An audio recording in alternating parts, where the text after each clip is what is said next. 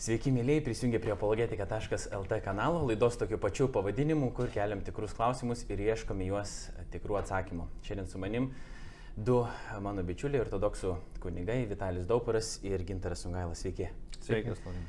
Aišku, mes šitą daug prikalbėjom, jau padarėm tokią preliudiją pusantros valandos su pietum skaičiuojant. Tikriausiai tie, kurie sekat nūdienos aktualijas, galite jau padaryti tokį įtarimą, kodėl būtent su jais. Mes kalbame šiandien, a, aišku, nėra paslaptis, pakankamai viešai dabar yra žinoma, kad dėl Rusijos a, karo a, Ukrainoje susiklosti tokia situacija ir Lietuvos ortodoksų bažnyčioje, kuri priklauso Maskvos patriarchatui, kilo įvairių tokių klausimų, kaip reikėtų tą situaciją spręsti, kaip reikėtų ją reaguoti. Mes čia dabar nesigilinsim labai stipriai į tai, e, kodėl buvot jūs abu atleisti nuo savo o, pareigų ir dar yra visokių kitokių papildomų sankcijų, kurios gali grėsti bent jau gintarui, po to nežinau, kaip, kaip yra tau ar, ar kitiems.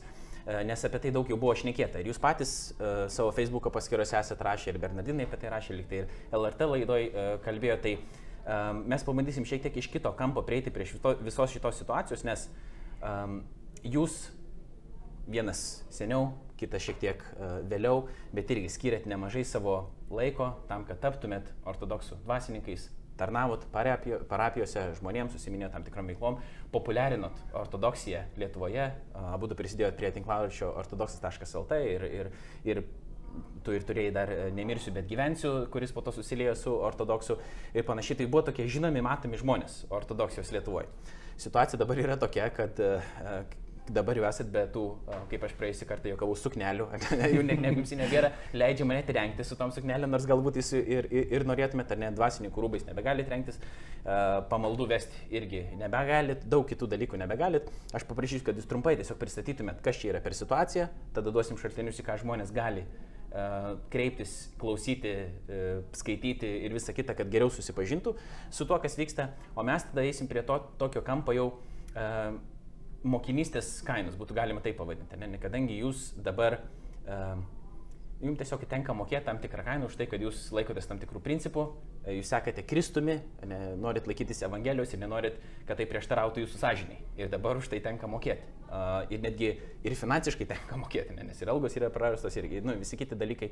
Ir apie tai, man atrodo, yra mums nu, svarbus kalbėti ir mes nuo jūsų bendros situacijos galbūt praeisim prie tokių platesnių dalykų apskritai, kad nu, krikščionybė kainuoja. Autentiška ta krikščionybė, Kristaus sekimas, jisai kainuoja ir turėtų kiek, kainuoti kiekvienam iš mūsų vienokią ir kitokią kainą mes mokėsim, ar ten populiarumo, ar pareigų, ar, ar dar kažko kito, ar ne. Ir, ir, ir tai yra mums svarbu. Žinot, gal čia nebus didelis toksai PR'as e, krikščionybėje, ne, kai tu pradedi kalbėti apie tai, jeigu nori būti krikščionimi, jeigu nori tapti krikščionimi ir nori būti krikščionimi, tai ne viskas bus e, kaip rožiam klota, ne, gali būti, kad bus klota, e, kaip sakyti, erškiečių vainikais daugiau negu kad, negu kad rožiam, bet, e, bet vis dėlto tai yra viso ko verta. Ne? Tai čia toks mano įvadas, e, prie ko mes dabar einam. Tai gal, Vitali, kadangi tu šiek tiek vėliau atėjai, mes jau su Gintaru labai daug išnekėm šiandien, tai gal tu gali trumpai tiesiog pristatyti situaciją, kas čia dabar yra įvykę, kad jūs atsidūrėt tokioj, tokioj būsenai.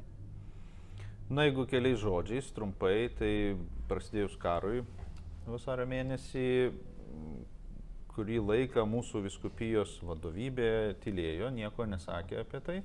Na, tuo tarpu Maskvos patriarchas Kirilas pradėjo atvirkščiai irgi porą dienų patilės, ne tai, kad smerkti karą, ko, ko galima tikėtis iš e, bažnyčios vadovo, nes apskritai, na, bet koks turbūt e, tikintysis suvokia, kad karas yra blogis, bet čia buvo atvirkščiai, jis pradėjo vilkti tą karą į net nevadinti jo karu, bet į tokį teisingumo kovojimą už kažkokią tiesą ir pradėjo, m, trumpai tariant, jį laiminti, sakyti, kad čia viskas tvarko, čia gėris su blogiu kovoja, aišku, rusai tai yra gėris, vat blogis, tenais kažkokie tai mm, pavojai ateina iš vakarų ir, ir NATO, ir, ir, ir gėjų paradai, ir va tokias keistenybės šnekėti. Ir nuo ko pradėjo tiesiog darytis koktų ir, ir, baisu, suvokiant e, realybę, nes mes susidūrėm ir su pabėgėliais kurie tiesiogiai buvo, ėjo pas mus ar ne, ir į parapiją, ir, ir gintaras turi giminių tenai, ir draugų aš turiu irgi nemažai. Ir tiesiogiai tie žmonės pasakoja baisybės, kurios vyksta ten, o čia tu girdi, kad tai yra vadinama gėriu. Tai kažkoks disonansas. Ir tuo tarpu, kad mūsų, mūsų vadovybė Lietuvoje, Lietuvos ortodoksų bažnyčioje tyli. Na ir žmonės pradėjo tiesiog, tiesiogiai klausti, tiek parapiečiai atėję, reiškia, į parapiją, sakyti, kaip, kaip suprasti, kas čia darosi. Tiek žmonės Facebook'e, tiek žurnalistai, tiek pažįstami draugai, nebūtinai ortodoksai.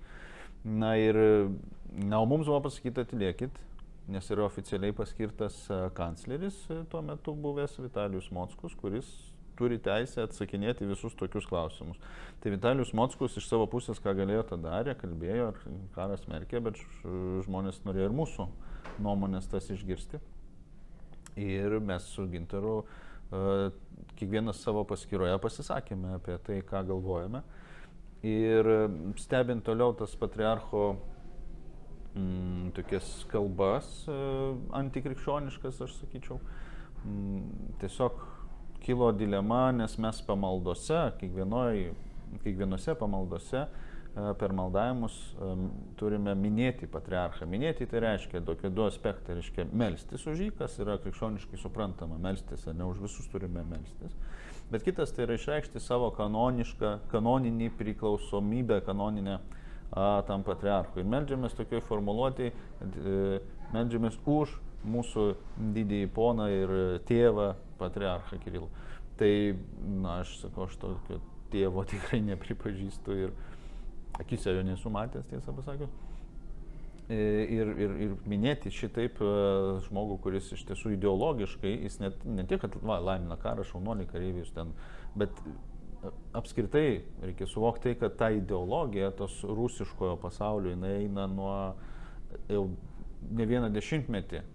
Ir jisai tos ideologijos vienas iš yra tokių propaguotojų ir, ir, ir a, tėvų, galim sakyti, ar ne, kartu su, su kitais. Ir tai suvoki, kad tas žmogus e, iš tiesų visą tą ideologiją neša. Ir tiesiog aš e, nustojau įminėti lietuviškoje Šventos Paraskevės parapijoje vieną iš sekmadienių. Ir, bet, nu, kaip ir negalima to daryti be vyskupo žinios, todėl aš vakare po pamaldų jau paskambinau metropolitui ir sakau, štai taip yra, ir aš nebeminėjau šiandien jo. Sako, aš supratau, turiu, turėsiu mintyje. Gerai, viskas, tarnauk toliau kaip. Prasme, kad jokios ne, nebuvo bausmės ar kažkaip, aišku, jeigu taip teisingai turėtų galbūt būti, kad aš iš pradžių turėčiau jo atsiklausti, tada neminėt, bet čia spontaniškai. Na štai, ir po to, po to trumpai tariant, vyko e, kunigų susirinkimas visos Lietuvos, būtent e, keltas klausimas apie e, minėjimą patriarcho, minėti ar neminėti. Na, aš dešimt metų bendroji sumojau jau šitoj bažnyčioj, aktyviai dalyvavau, dalyvavau nuo to, kai seminarį stojau. Tai suprantu, kad naivu būtų tikėtis, kad mūsų kunigai didžiojam, na, jeigu balsuotumėm ar ne, tai demokratiniuose rinkimuose atsisakytų minėti patriarchą ir taip toliau. Deja, taip jau yra ir iš tiesų tam susirinkime taip ir pasitvirtino, kad dauguma sakė, ne, čia patriarchas, mes turim minėti ir ten prasidėjo tokie ir išvedžiojimai, ir, ir kad čia kanonai ir taip toliau, ir čia, nu, patriarchas, taigi čia tavo tėvas, jeigu tėvas, va, ten kažkoks, nusik, nu, ten e, e, koks nors žmogus, kuris ten smurtauja ar kažką, neugi tu jo atsisakysi kaip tėvo, nu, tokie, va, keisti, įdomus išvedžiojimai kur buvo aišku ir į tą susirinkimą mes jau ėjome parašę atsistatydinimo raštus, tokius prašymą išleisti, nu, kaip sakyti, už ribų, už išeiti iš savo pareigų, kad nebūti tame sąžinės konflikte. Ir nes jau žinojom, kad greičiausiai taip ir bus, bet aišku, jų nepadėm tų raštų, bet sakėm, nu matysim. Aš atsiprašau, aš nebuvau iš tikrųjų parašęs. taip, čia. Aš e, susirinkimą, dar atėjau susirinkimą pozityviai nusteikęs, optimistiškai, kad... Jis jaunesnis, matai. E, aš jaunesnis ir galvojau, va, e, mes visi kartu nuspręsim ten kažkokius žingsnius, va, simbolinius bent jau, kad pasmerkti va šitą karinę poziciją patriarcho.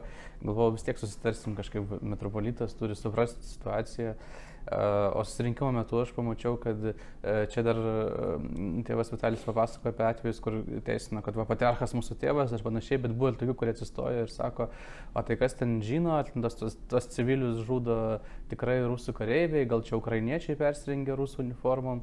Paskui ten buvo tokios versijos apie tai, kad o kas čia iš vis žino tiesą apie karą ir panašiai ir panašiai. O aš per susirinkimą atsistojau ir tiesiai pasakiau, mano mama yra ukrainietė. Ir jeigu patriarchas e, e, remia karą, kurį aš vadinu ten mūsų didžiuoju ponu ir tėvu, e, ir man neleidžiama yra kalbėti tą temą, tai kaip aš savo motinai galiu žiūrėti akis. Nes iš tikrųjų, nu, man pirmom karo dienom ir siuntė mano brolis, irgi ortodoksas, man siuntė patriarcho pamokslus ir sako, ir, ir kaip čia suprasti. Ir ne tik jie, bet aš čia pateikiu pavyzdį timiausių žmonių. Bet lygiai taip pat man e, draugai ukrainiečiai skambino ir sako, kaip čia suprasti. Man uh, parapiečiai irgi sakė, ko tu, viena netgi parapietė, sakė, ko tu tyli kaip žirkėnas. Nes aš toksai, nu, va čia va patriarcho pozicija, mes turim kitą poziciją ir dabar tą patį viskupiją daro.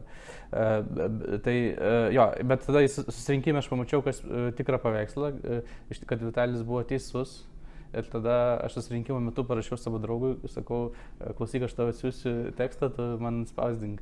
Ir susirinkimo pačioje pabaigoje išėjau, man draugas padavė lapą, pasirašiau ir atėjau ir jau kartu mes padavėm. Ir aš savo rašte labai konkrečiai parašiau, kad sakau, e, kadangi aš negaliu vadinti patriarcho Kirilo e, savo didžioji ponu ir tėvu, e, dėl to prašau geriau mane atleisti.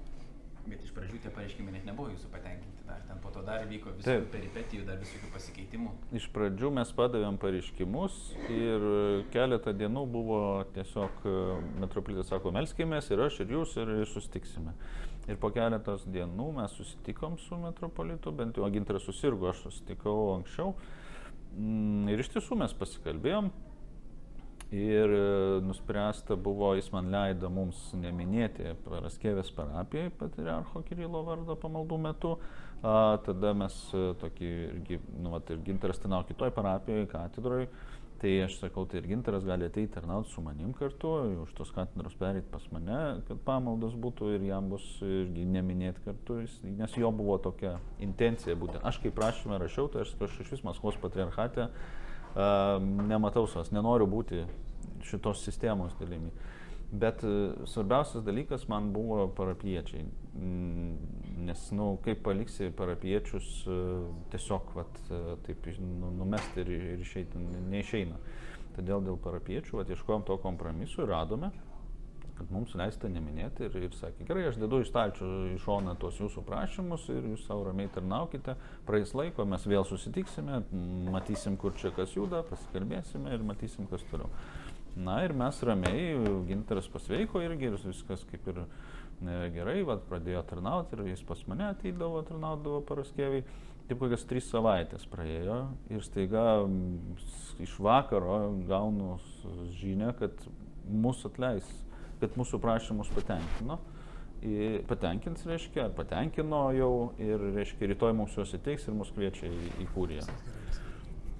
Tai buvo toksai šokas, nes, na, pokalbis buvo kitoks ir viskas lyg ir viskas kitaip atrodė. Ir Velykom ruošėmės, čia buvo prieš pat, prieš pat Velykas, savaitė įlikus iki Velykų. Mes ir tekstus kiekvieną kartą vis redaguojam, jie lietuviški ir, ir ten kažką pataisom ir panašiai, vad kaip tik to jau pradėjom užsiimti ir čia staiga. Ir labai keistas sutapimas, kad atleido ir kanclerį e, kuniga Vitalijų Mockų, kuris ir kancleris, ir Vilniaus dekanas, ir katedros klebonas buvo. Ir dar turėjo kalbėti atsakingas. Ir dar buvo atsakingas už, nu jo, teisingai už tos visus e, nepatogius klausimus, kuris turėjo ir, ir, ir išsisukinėti įvairiai, e, vis dėlto, kaip ir Ginteras paminėjo apie tą e, patriarcho, žinai, poziciją, mes čia lyg ir nepritarėme, tiesiai vis tiek kažkoks toksai atsidėjimas ant tų dviejų kėdžių ir tas, tas nuolat išlieka to viskupyje ir iki šiol. Ir staiga jį taip pat atleido ir, ir mus pasikvietė sekančią dieną, mes atėjom kartu su Gintaru, ten sėdėjo metropolitas ir viskupas Ambrozijus, kuris šitoje istorijoje tokia neįlinė pozicija užimantis e, personažas yra.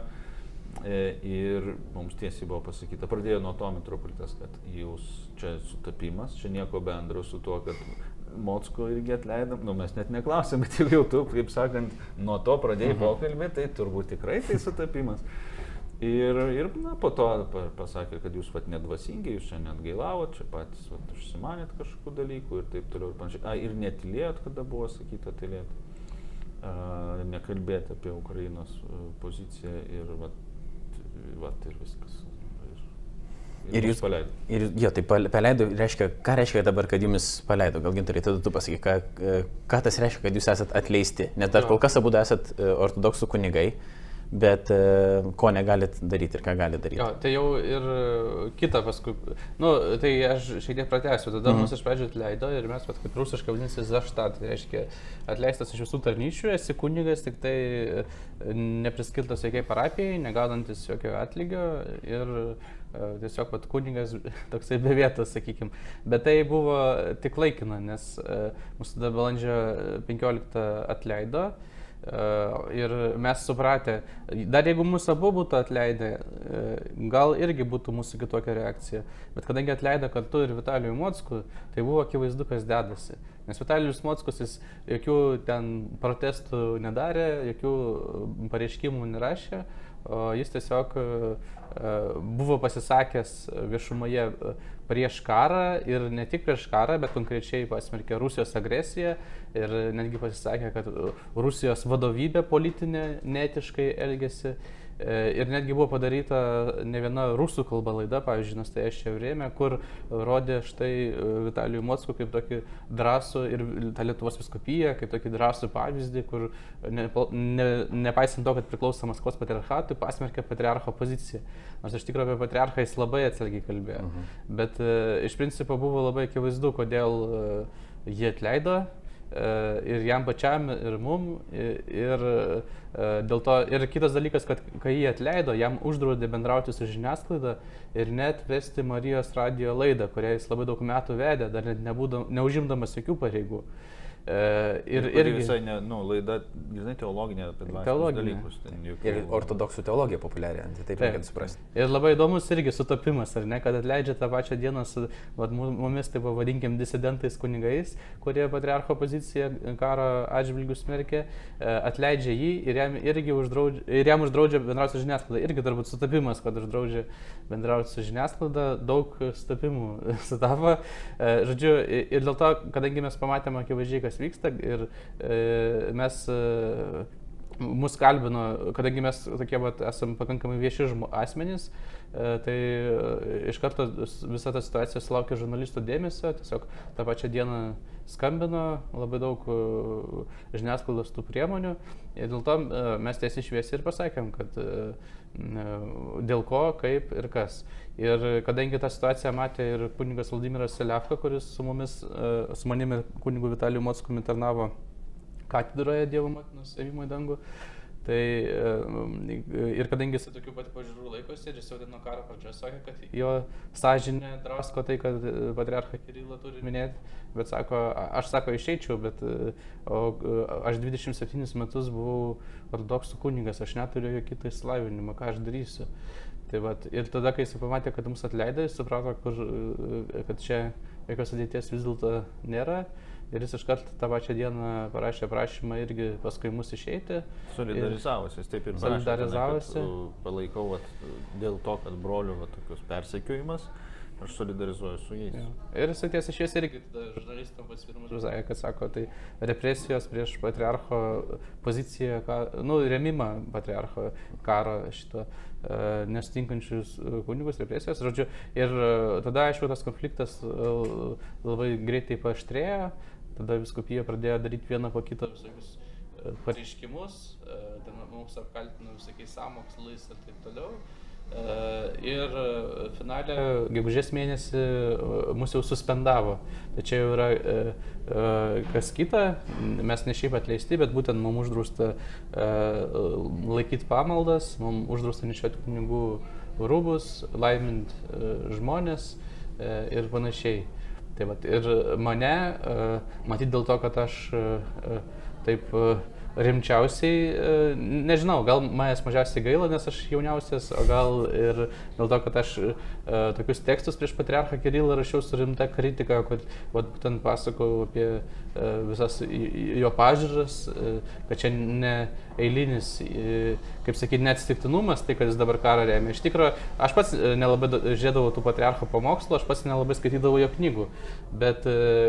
Čia prieš tai turėjau menį. Iki karo. Anksčiau, Bet e, vat, būtent kai va, ta situacija susidarė, aš sėdau, e, atsidariau, atsiverčiau jo knygas, e, atsiverčiau jo pamokslus ir pradėjau žiūrėti. Ir aš pamačiau, kad iš tikrųjų tai visiškai neatsitiktinumas, kad jis link to ėjo visą savo gyvenimą ir dar patriarchų nebūdamas. Būtent va, ta visa rusų pasaulio ideologija, kad ukrainiečiai, baltarusiai ir rusai yra viena tauta, kad NATO ir vakarai yra blogio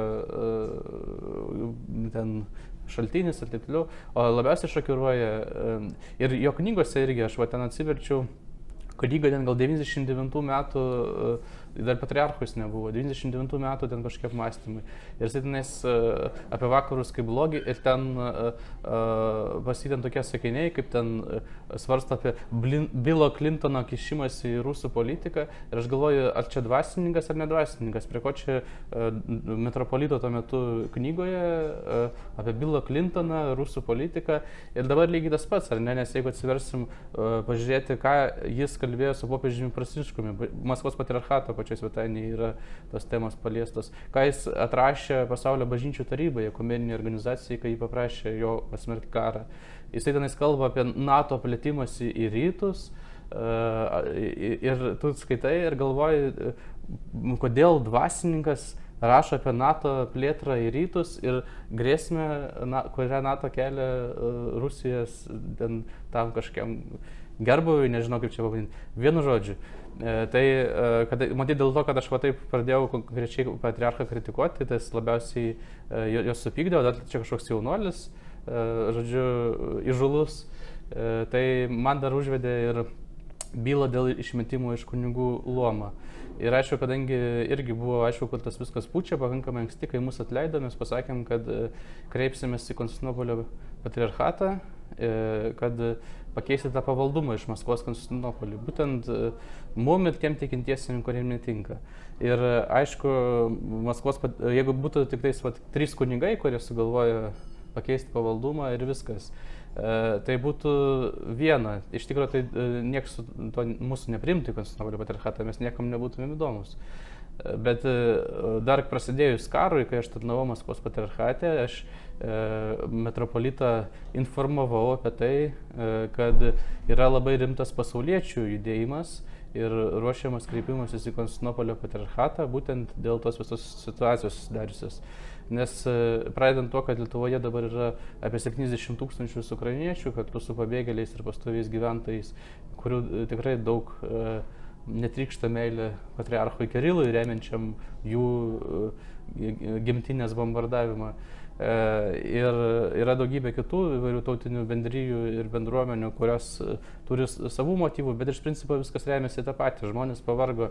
Jeigu iki karo šito dar e, tai buvo tokie, toks abstraktus politikavimas, tai dabar dėl šito politikavimo, dėl tos rusų pasaulio idėjos žūsta konkrečiai žmonės. Žmonės nuo to pavargo ir aš manau, kad irgi čia kažkaip nėra krikščioniška, kad ten mums sakydavo, štai patriarchą pasmerkti galima tik tuo atveju, jeigu jisai ten skelbia uh, neortodoksiškas pažiūras, ereziją uh, ir tai gali padaryti tik viskupų susirinkimas.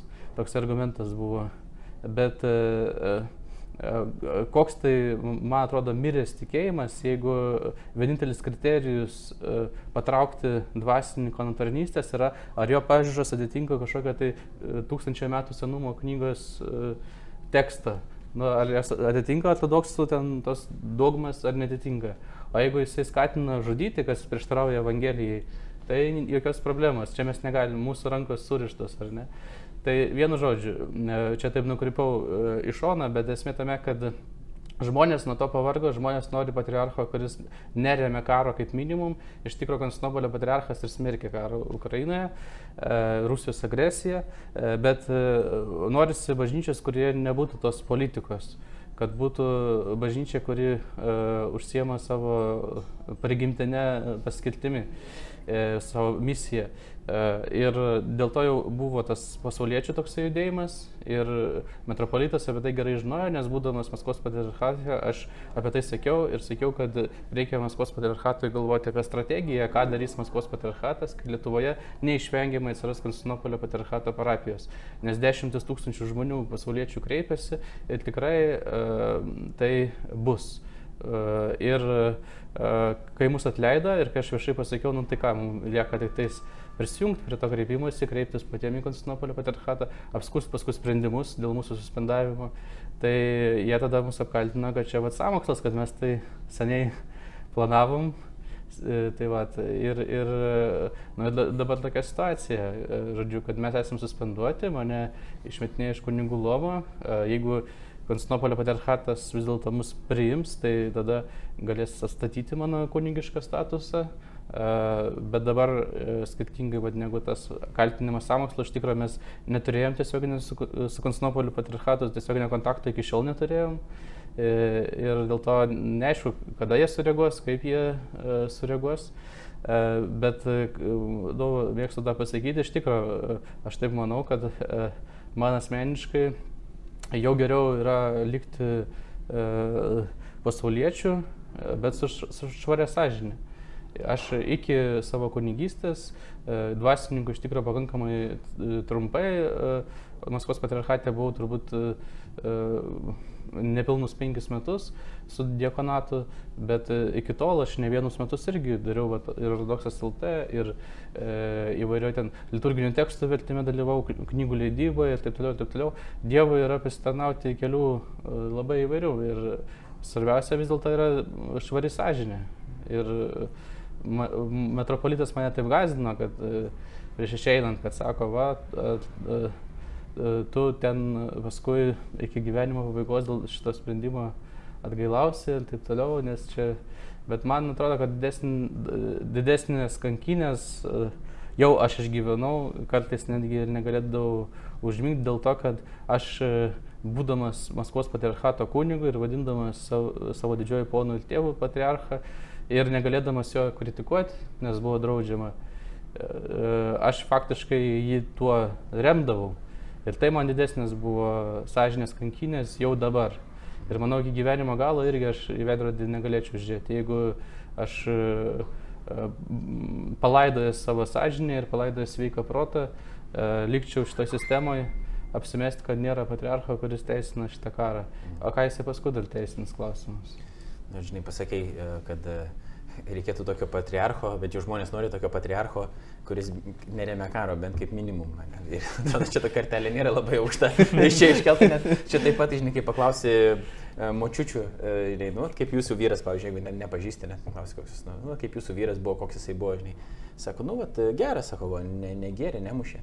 Toks yra geras vyras, dvi sąlygos, negerė, nemušė ir viskas yra tada, ne, ne, kaip sakyti, neblogai iš tos pusės. Tai, e, tai atrodo, kad norėtųsi kaip ir, kad būtų ta kartelė kažkiek aukštesnė, ne pagal, pagal Evangeliją, ne kad e, e, ir čia tas tėvo kažkoks statusas čia figūruoja, mes neįsim dabar į tą teologinę diskusiją, esam kažkam atrodo aptarę tai, viena iš laidų, nežinau, ar su tam gintarai, ir su Vitaliu, kodėl pas ortodoksus yra kunigai vadinami tėvais ir, ir, ir panašiai. Tai čia ne, ne tame didelė tokia esmė. Um, reikalas yra dabar koks, ne, kad uh, patriarchas kai kuriems gali atrodyti tie, kurie galbūt nėra daugiau susipažinę su ortodoksija, kaip e, popiežiaus kažkoks toks panašus atitikmuo. Bet vis dėlto nėra taip, ne? Tai nėra taip, kad jūs e, kažkaip e, drįstat prieštarauti ir kritikuoti poziciją kažkokio, vat, nu, tokio ten Kristaus vietininko ne, žemėje, kad pas jūs yra jurisdikcijos, yra Maskvos patriarchatas, yra Konstantinopolį, kuris veikia Latvijoje ir Estijoje, man atrodo, ne, yra tas Estijoje, ne? Ir, ir kad uh, tikslas nėra kažkaip ar ortodoksijos paniekinti, ar juos palikti, tuo labiau, kad, sakau, jūs esate juos ir proteguoti, dar pakalbėsime apie tai, kaip jūs žiūrite patys į pačią ortodoksiją, toliau ar kas nors ten, nežinau, kai kurie klausimai kilo, ne, nekilo, bet e, gal tu gali trumpai, Vitalijai, papasakot, koks yra tas nu, skirtumas to, to, to pavaldumo, galbūt nebūtinai skirtumas, bet trumpai apibendrinti, koks yra e, pavaldumo ar nepavaldumo patriarchui ir šitų dviejų patriarchatų, uh, kaip tai atrodo, kas tai yra per dalykas. Yra teorinė dalis ir praktinė dalis mm. šitoj vietai. Tai e, visų pirma, autokefalinių bažnyčių yra 15. Ir ne tik tai Konstantinopolis ir, ir Maskva, bet yra ir, ir, ir daugiau. Ta pati Lenkija šalia mūsų, kur mes baigėme seminariją, yra autokefalinė, visiškai nepriklausoma atskira ortodoksų bažnyčia su savo vadovu metropolitu Saba. Ir Gruzijos, pavyzdžiui, ar ne, Jeruzalės, Antiochijos ir taip toliau. 15. E, ir Maskva yra viena iš jų, ir Konstantinopolis irgi viena iš jų ir m, jas tarpusavį nėra vieno taip pat išskirtinai jungiančio žmogaus, kaip popiežius būtų, ne, pas katalikus. Kiekvienas turi savo atskirą, atskirą, reiškia, patriarchą arba metropolitą vadovą. Susirinkimų metu tam susirinkimui pirmininkauja e, kažkas, ar ne, jeigu būtumėm vis dar mes vienybei su Roma, tai Romos turbūt viskupas, šiuo atveju tai Konstantinopolio viskupas kaip garbingiausias uh, vadovas, garbingiausias patriarchas, jis vadovauja susirinkimui, ne, nu, toks moderatorius. Bet jo klausyti tiesiogiai a, kažkokių nurodymų niekas neprivalo, ne, išskyrus jo patriarchate. Bet vėlgi, dabar žiūrint taip jau žemiau, mažesniai e, plotmėjai, tai patriarchate patriarchas yra vėlgi pirmas tarp lygių, tarp visų viskupų, jis yra vienas iš viskupų. Konkrečiai, va, Rusios bažnyčioje tai yra Maskvos vyskupas patriarchas, ar ne?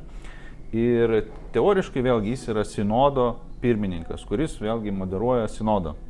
Sinodas tai yra tam tikri viskupai, e, kurie nuolat susirenka, e, kas tam tikrą laiko tarpą priimti kažkokius svarbius sprendimus bažnyčiai labiau svarbesnius, tokius platesnius sprendimus priema viskupų susirinkimus. Iškai visi viskupai absoliučiai susirenka, jie rečiau susirenka. Tai va tokie susirinkimai.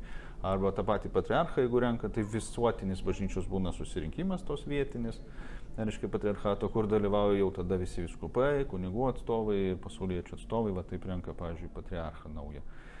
Taigi patriarchas turėtų būti vienas iš kitų viskupų, pirmas tarp jų, sinodo pirmininkas, Tačiau tokios tiesioginės įtakos, kaip kad, pavyzdžiui, turi popiežius ar ne, jisai bet kokioje viskupijoje, bet kokioje parapijoje gali turėti tiesioginę įtaką. Vat sugalvojau šiandien ir nuvažiuosiu ten į kokią nors tenais, a, nežinau, ten Šventų Rapolo parapiją Vilniuje. Ne? Ir popiežius atskris, ateis, sakys, sveiki, aš dabar čia laikysiu mišes ir visi sakys, kaip faina, taip ir darykit. Jeigu patriarchas taip sugalvos ar atskris iš Šventos paraskėvės parapiją, sakys, dabar aš čia aukosiu liturą, sakysiu, ar tau leido mano biskupas tai daryti. E, kitaip sakant, jis vat, neturi tokios tiesioginės mhm. įtakos e, konkrečiai viskupijai ir parapijai. Tai čia teorija. Praktiškai yra kitaip. E, praktiškai vat, Ginteras užsiminė, kad norint patraukti ar, ne, ar kažkaip pasmerkti patriarchą, tai yra tam tikri du, du momentai tokie, ne, teologiniai. Tai yra, arba jisai skelbia ereziją, arba jisai antras yra Nu, jeigu labai rimtą nusižengimą padarė ekonominė teisė, pavyzdžiui, nužudė kažką, tai svetimavo ten tokie. Ir tada būti, tai, tai e, turi viskupų sinodas jį vat, šitą spręsti klausimą, kaip teismas ar ne, tada gali pašalinti. Taigi Maskvos patriarchate problema yra tokia ir vienas iš kunigų, kuris prie mūsų taip pat prisijungė, išėjo ne tik mes a, trys ar keturi, bet iš viso esam septyni dvasininkai išėję šitoj situacijoje, mus palaikančių. Tai tėvas Georgijus Ananievas iš Klaipėdos jisai per susirinkimą irgi tą patį pasakė, kad kai, kai buvo tas argumentas, kad va, jeigu vis, patriarcha viskupų sinodas pasmers, tada ir mes. A, ir jisai pasakė, to niekada nebus, nes e, patriarchas aplink save sustatė savo lojalius viskupus, kuriuos jisai išventino, kuriuos jisai paskyrė, kaip sakant, aš tave iš kur ištraukiau, nepamiršk. Ir vienas iš tokių viskupų yra tas e, viskupas Ambrozijus, kuris į Lietuvą atsiųstas, taip pat e, patriarcho, kaip sakant, pašventintas, iš, ištrauktas iš vienuolino, iš, iš miškų atsiųstas. Tai ir, ir štai va tokiai žmonėm apsistatęs, visa struktūra taip sukurta ir e, tai turi tokį irgi pusiau žargoninį tokį pavadinimą papizmas, ne nuo žodžio popiežius, popizmas, kad, kad vat, ortodoksų patriarchas jisai pradeda E, elgtis ir save kažkaip pozicionuoti kaip popiežius. E, ta prasme, kad turi absoliučią valdžią, kad jisai vienas, vienvaldis ir, ir taip toliau ir panašiai, ir jo sprendimai neginčiami. Lygiai tas pats, e, tas ir vyksta, pavyzdžiui, skiriant vyskupus, ar ne? Teoriškai vyskupus skiria sinodas į, į, į viskupijas, va štai čia į Lietuvą, ar ne? Bet praktiškai sinodas tik patvirtina uh, balsavimu patriarcho poziciją, ką jisai nurodė, tą ir priims. Na ir, ir tai va praktinė dalis va tokia yra liūdnesnė. Aišku. Galima iš tikrųjų netgi tokį eksperimentą padaryti, atsiversti uh, uh, interneto svetainę patriarchija.ru, tai yra oficiali Maskvos patriarchato vadovybės svetainė, ir pažiūrėti sinodo ir viskupų susirinkimų posėdžių nutarimus. Jie ten visi yra skelbiami, ten žurnalai, sinodo ir taip toliau. Ir perversti kokius ten 20 metų ir pažiūrėti, ar nors vieną kartą viskupų susirinkimas yra balsavęs prieš patriarcho pasiūlymą. Ir aišku, to net turbūt šimtą metų gal net nerastumėm, kad nors kartą būtų e, patriarcho pasiūlymui nepritarta. E, visose balsavimuose viskas priimama vienbalsiai ir panašiai. Ir aišku, yra dar tam tikros technikos, kaip tai e, sutvarkoma ir viskupijos lygmenių mes tai matėm. Ir, Ir sinodo tie patys principai. Pavyzdžiui, pas mus viskupijoje irgi yra teoriškai demokratinė tokia pakankamai sistema, kad e, kas metus bent vieną kartą turi susirinkti visos viskupijos parapijų atstovai. Tai reiškia visi dvasininkai ir pasauliečių išrinkti atstovai. Ir jie kartu susirenka ir ten yra įvairūs rinkimai, balsuojama už paskirimus į postus ir taip toliau ir taip toliau. E, ir e, teoriškai tai labai gražiai ant popieriaus atrodo, bet kaip tai atrodo praktiškai, ar ne? Visų pirma, mes suvokim, kad dvasininkai yra žmonės, kurie visiškai priklauso nuo vyskupo, nes nuo vyskupo parašo priklauso, kurie tu parapijai tarnausi, kiek tu uždirbsi, viskas priklauso. Pasauliečiai, kurie išrenkami, dažniausiai ten dar skirtingais metais skirtingi, jie dažniausiai iš vis nesirantuoja situacijai ir patenka į E, ten visokius rinkimus, kur tas pavardės pirmą kartą girdė ir panašiai. Aš irgi buvau, aš dar iki dvasininkų būnant, esu porą kartų buvęs pasauliečių atstovų parapijos. Ir tu ten tų kunigų nepažįsti iš viso. E, ir e, jau, tarkim, aš pats buvau išrinktas, išrinktas kabutėse viskupijos leidybos ar ne? Ir kaip tai vyko. Aš atėjau šiek tiek per anksti į susirinkimą ir man pasakė, žinai, mes vakar pasitarėm su metropolitu, tu būsi leidybos skyriaus vadovas. Ir aš toks, o, o gerai, ačiū, man patinka ta veikla, visa kita. O paskui jau susirinkimas, visi susirinko ten tie atstovai, visa kita, visa kita. Ir tada e, iš karto ne visiems patikimas faktas, kad štai mes norim, e, metropolitas siūlo į leidybos skyrius e, poziciją, vad kuniga Gintaras Gaila, ar ne? Ir tada balsuokit už prieš. Ir aišku, e, kas balsuos prieš metropolito e, pasiūlymą. E, ir kitas dalykas, kad jie neturi laiko apmastyti. Nes aš pats sužinojau tikrai te, kad aš tapsiu ir aš aišku nieko nesakiau. O, o tie kunigai susirinkė, va tie šią akimirką išgirdo Gintaro Sangailą. Iš vis Gintaro Sangailas kažkas su leidyba daręs, nedaręs, jis tam postą tinka, netinka, jie neturi laiko apmastyti už prieš.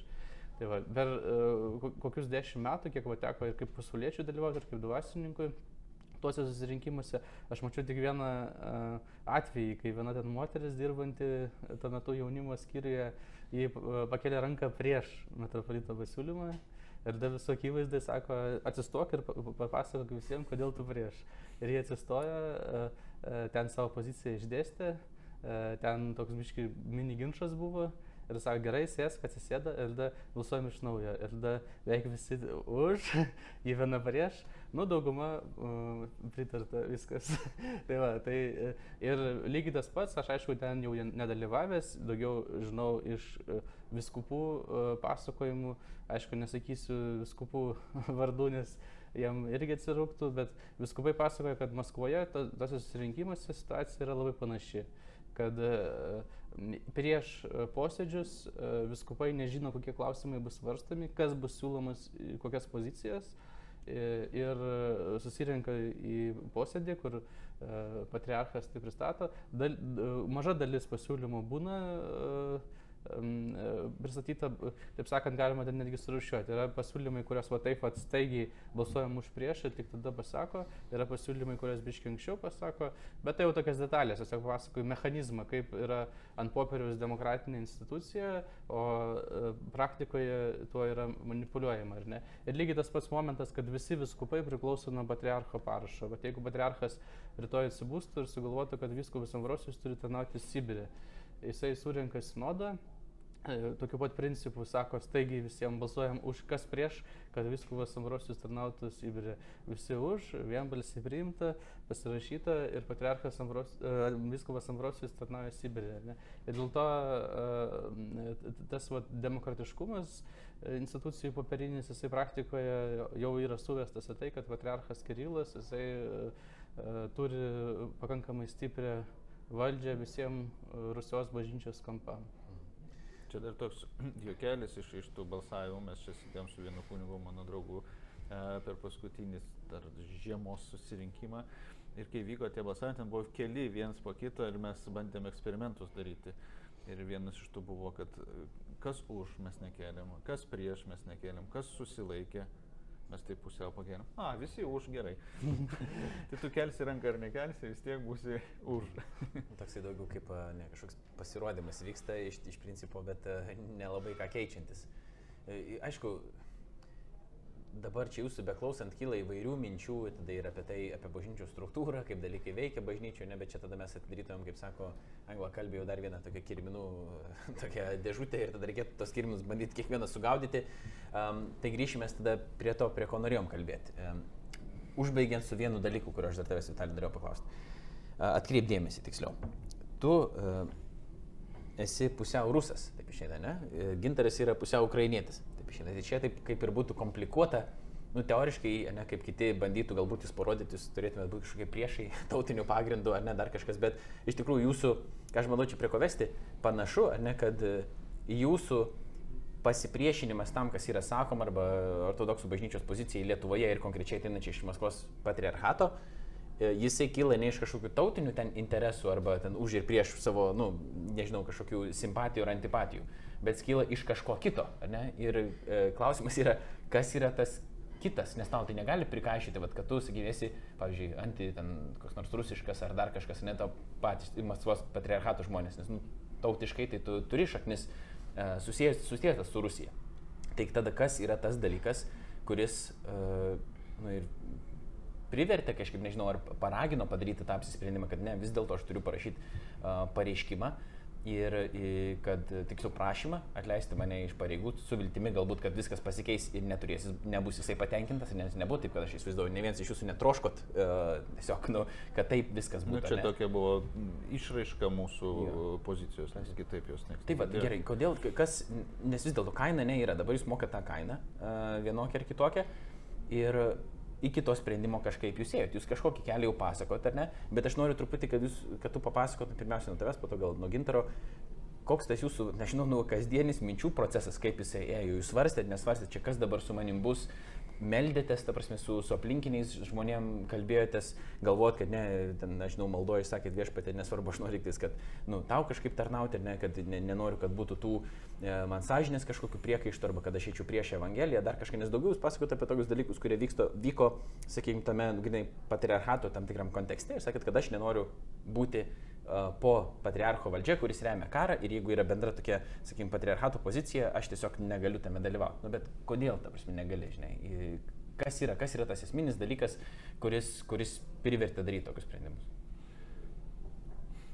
Turbūt sąžinė, ne? taip mes, mes tą užakcentavom, kad einam prieš savo sąžinę. Tai aš manau, kad tai visų pirma tautybė šitoj vietoje, netgi kare, aš manau, jinai net, neturi jokios įtakos e, kaip tokia, ar ne?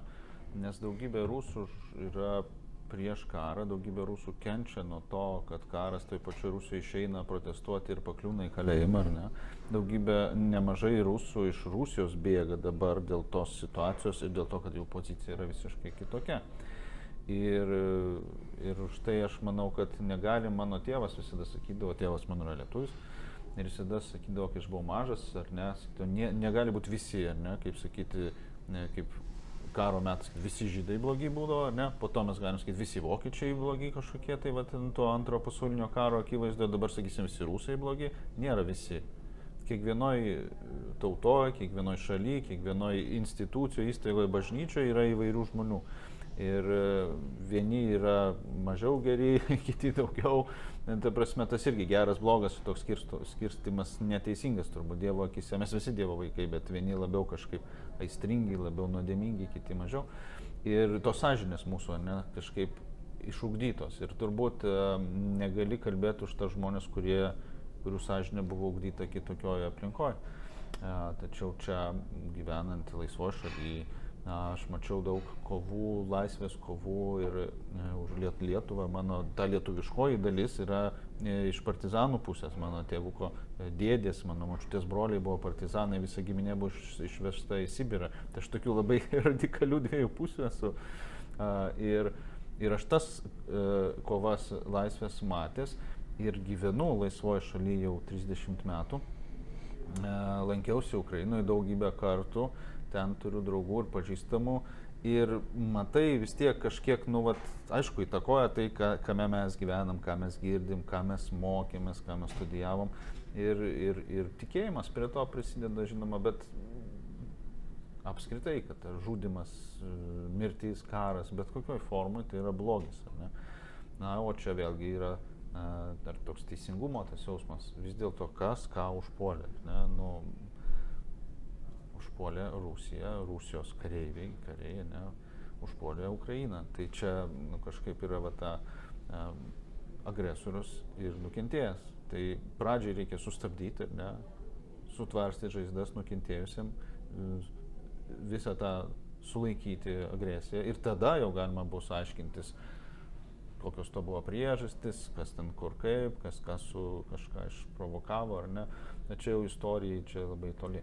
Bet šiai dienai tai tiesiog reikia sustabdyti tą agresorių. Tai štai nu, va, toks tas uh, kalbėjimas. Na, o pačioj dabar situacijoje apie kunigystę, būtent ir patriarchą, na, aš buvau išvažiavęs, atsitraukęs truputį, va, kaip tik kovo, kovo pačioj pradžioj, e, iš Lietuvos į užsienį ir, ir buvo proga labai iš šono pasižiūrėti. Ir man vas gintaras siūsdavo visokias e, žinias, naujienas, kas ten vyksta, o aš iš šono visiškai su nebažnytiniais žmonėms, su nuostabiai žmonėm leidau laiką, e, mes e, bendravom ir, ir aišku, tos temas ir karo ir visokio kito lietėm ir man buvo labai proga pasižiūrėti iš šono, kame, kame aš esu ir kas ten vyksta. Ir už tai man grįžus buvo va, ta reakcija tokia, kai sugrįžti vėl ir tu supranti, kad tu iš šono pasižiūrėjai ir suvoki, kad ne, negerai, čia, čia tai būti negali. Ir aš sakau, Dievas pasinaudoja mūsų ne tik tais galbūt teigiamomis ar kažkokiamis geromis savybėmis, kurias mes norėtumėm demonstruoti, koks aš šuotas fainas, bet ir tokiam neigiamam. Aš, aš kilęs iš tokių, nu, paauglystėje buvau pankas, va čia, va, Vilniaus gatvėse pankodavau ir man, jeigu ne, tai ne, aš trenksiu durims, spirsiu iš kojas ir viskas, man tai nereikia. Ir, ir lygiai tas pats šitoje situacijoje, ar ne tas raštas parašyti išeit, ah, jeigu va, tai yra blogis, aš su jumis neturėsiu nieko bendro. Mhm. Ir Dievas turbūt panaudojo šitą mano savybę. Jeigu tai būtų be Dievo panaudota, tiesiog aš iš savęs tokią tą, va, tiekčiau tą raštą į stalą ir sakyčiau, aš su jumis nieko bendro nenoriu turėti. E, kas yra, nu, taip yra, iš, va, kažkokia mano taip veikia ta sąžinė. Tai tuo ir pasibaigtų, ar ne, eičiau savo ten kur nors vienas, kažką veikčiau ir viskas. Bet Dievas pasinaudodamas šitą mano savybę, su šitomis aplinkybėmis, ar ne, sudėjo mus į vieną vietą, kažkas nusaikesnis, kažkas karštesnis. Ir, ir iš to vat, pradėjo darytis tas, tas veiksmas, tas judesys, kuris vyksta dabar. Ir, ir, ir kažkaip aš kėliau tos klausimus. Ir su šeima, ir maldoje, ir su, su draugais, vat, ar ne, išvažiavusiais, kurie nebažnytiniai, ir, ir, ir, ir su ginturu vat, kalbėdavom ką čia, kaip, kas galėtų iš to būti. Ir, ir maldoju, taip pat e, dar kol tarnavom, tai liturgija iš tiesų vat, ta vieta būdavo, kur galima iš, taip labai betarpiškai vat, tos dalykus iškelti, aišku, ir asmeniniai maldoju. Ir man dukra vieną kartą, vat, be, taip pat besikalbant, sako, tėti, bet man atrodo, kad tavo vat, kunigystė, čia yra prasmė jos tokia. Nu, ne šiaip, kad vat, tiesiog pabūti kunigu, bet prasme tokia, vat, kad, kad vat, šitokį pokytį Lietuvos ortodoksijoje pradėti ir įnešti, kad, kad vis dėlto būtų ta alternatyva žmonėms, ar ne, tas kitas, e, kitas patriarchatas su kitokiu, kitokiom galimybėm, sakykime, ar ne, ta pati ortodoksija, bet truputį kitų kampų, e, nepanaikinant ir kitos kad būtų alternatyva. Ir kad e, Dievas daro vieną dalyką, daro tiems žmonėms, kurie išeit nori, arba nu, tie, kurie atvažiavo ir nenori prisijungti prie Maskvos, tai vat, daro tiems žmonėms kažkokią vietą su savim susitikti per mūsų veiksmus, ar ne? Ir ne tik mūsų, aišku. Bet tuo pačiu aš tikiu, kad Dievas ir apvalo tą bažnyčią Maskvos patriarchato. Mes kaip mažas e, kropelytė, maža čia Lietuva kažkokią įtaką padarysime. Galbūt a, žmonės kažką susimastys, kažkam akis atsivers ir kažką norės keisti.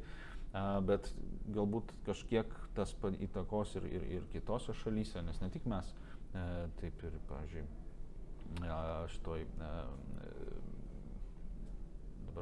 lietuviškas pavadinimas iškaito angliškai, Olandijai. Mhm. Olandijoje viena parapija yra tokia, ar ne, Rusijoje kažkur kažkas mūsų pavyzdį pamatė, kažkas kitaip ir gal kažkokia banga tokio apsivalymo bus ir toj Maskvos patriarchato bažnyčioje, nu vis dėlto vis tiek visi esam neamžiniai, nei, patriarchas, nei, nei kažkas kitas ir, ir nuo kažkur turi kažkas prasidėti. Tai vat, aš tikiu, kad Dievas panaudoja ne mūsų, ne tik stipresias, bet ir silpnasis savybės ir pusės savo darbo, jeigu mes jam tai leidžiam daryti.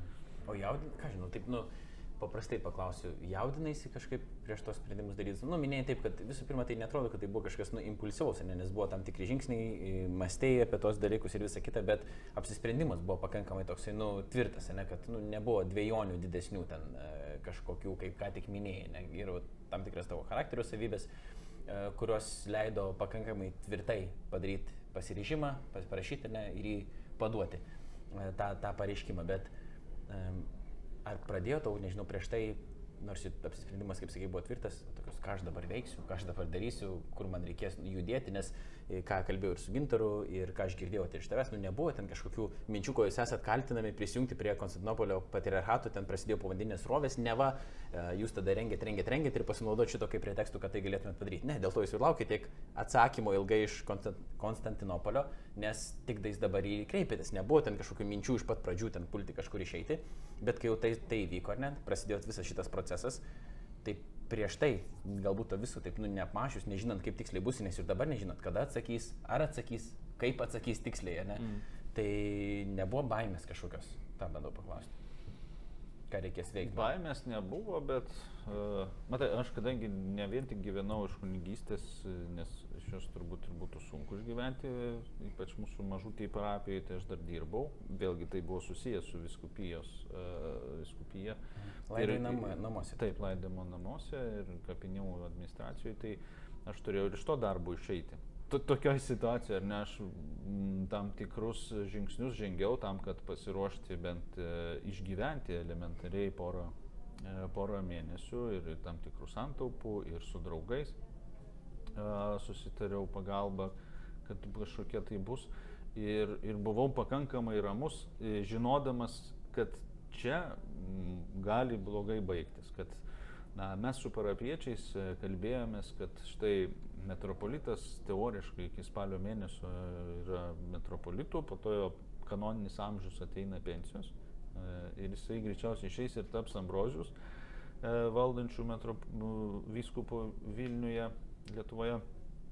Ir čia jau buvo pakankamai aišku, kad geriausiu atveju mes laiko turime iki spalio mėnesio. Mhm.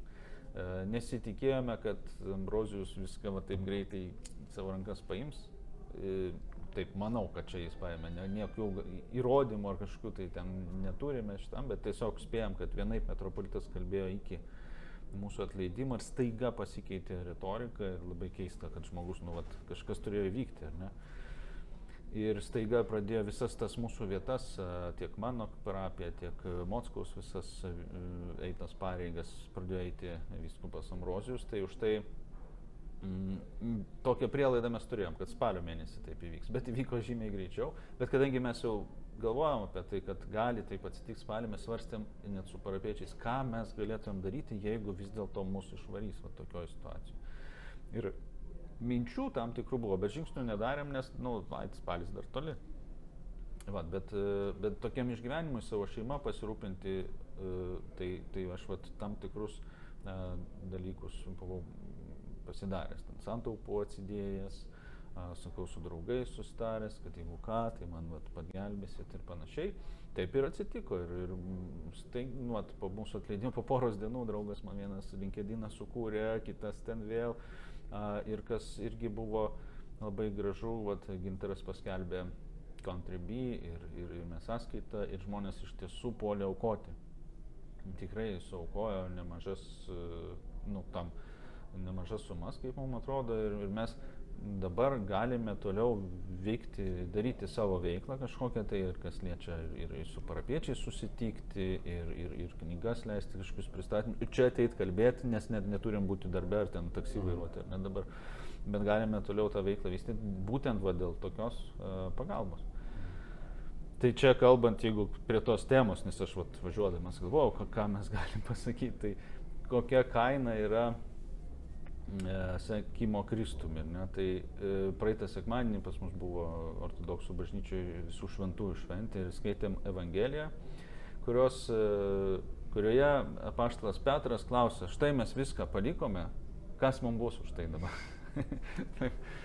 Ar ne? Tai ir viešpats atsako, jūs jau turite šimteriopai to, ko palikote, šimteriopai namų, šimteriopai sesių, brolių, tėvų, žmonų, vaikų, šimteriopai.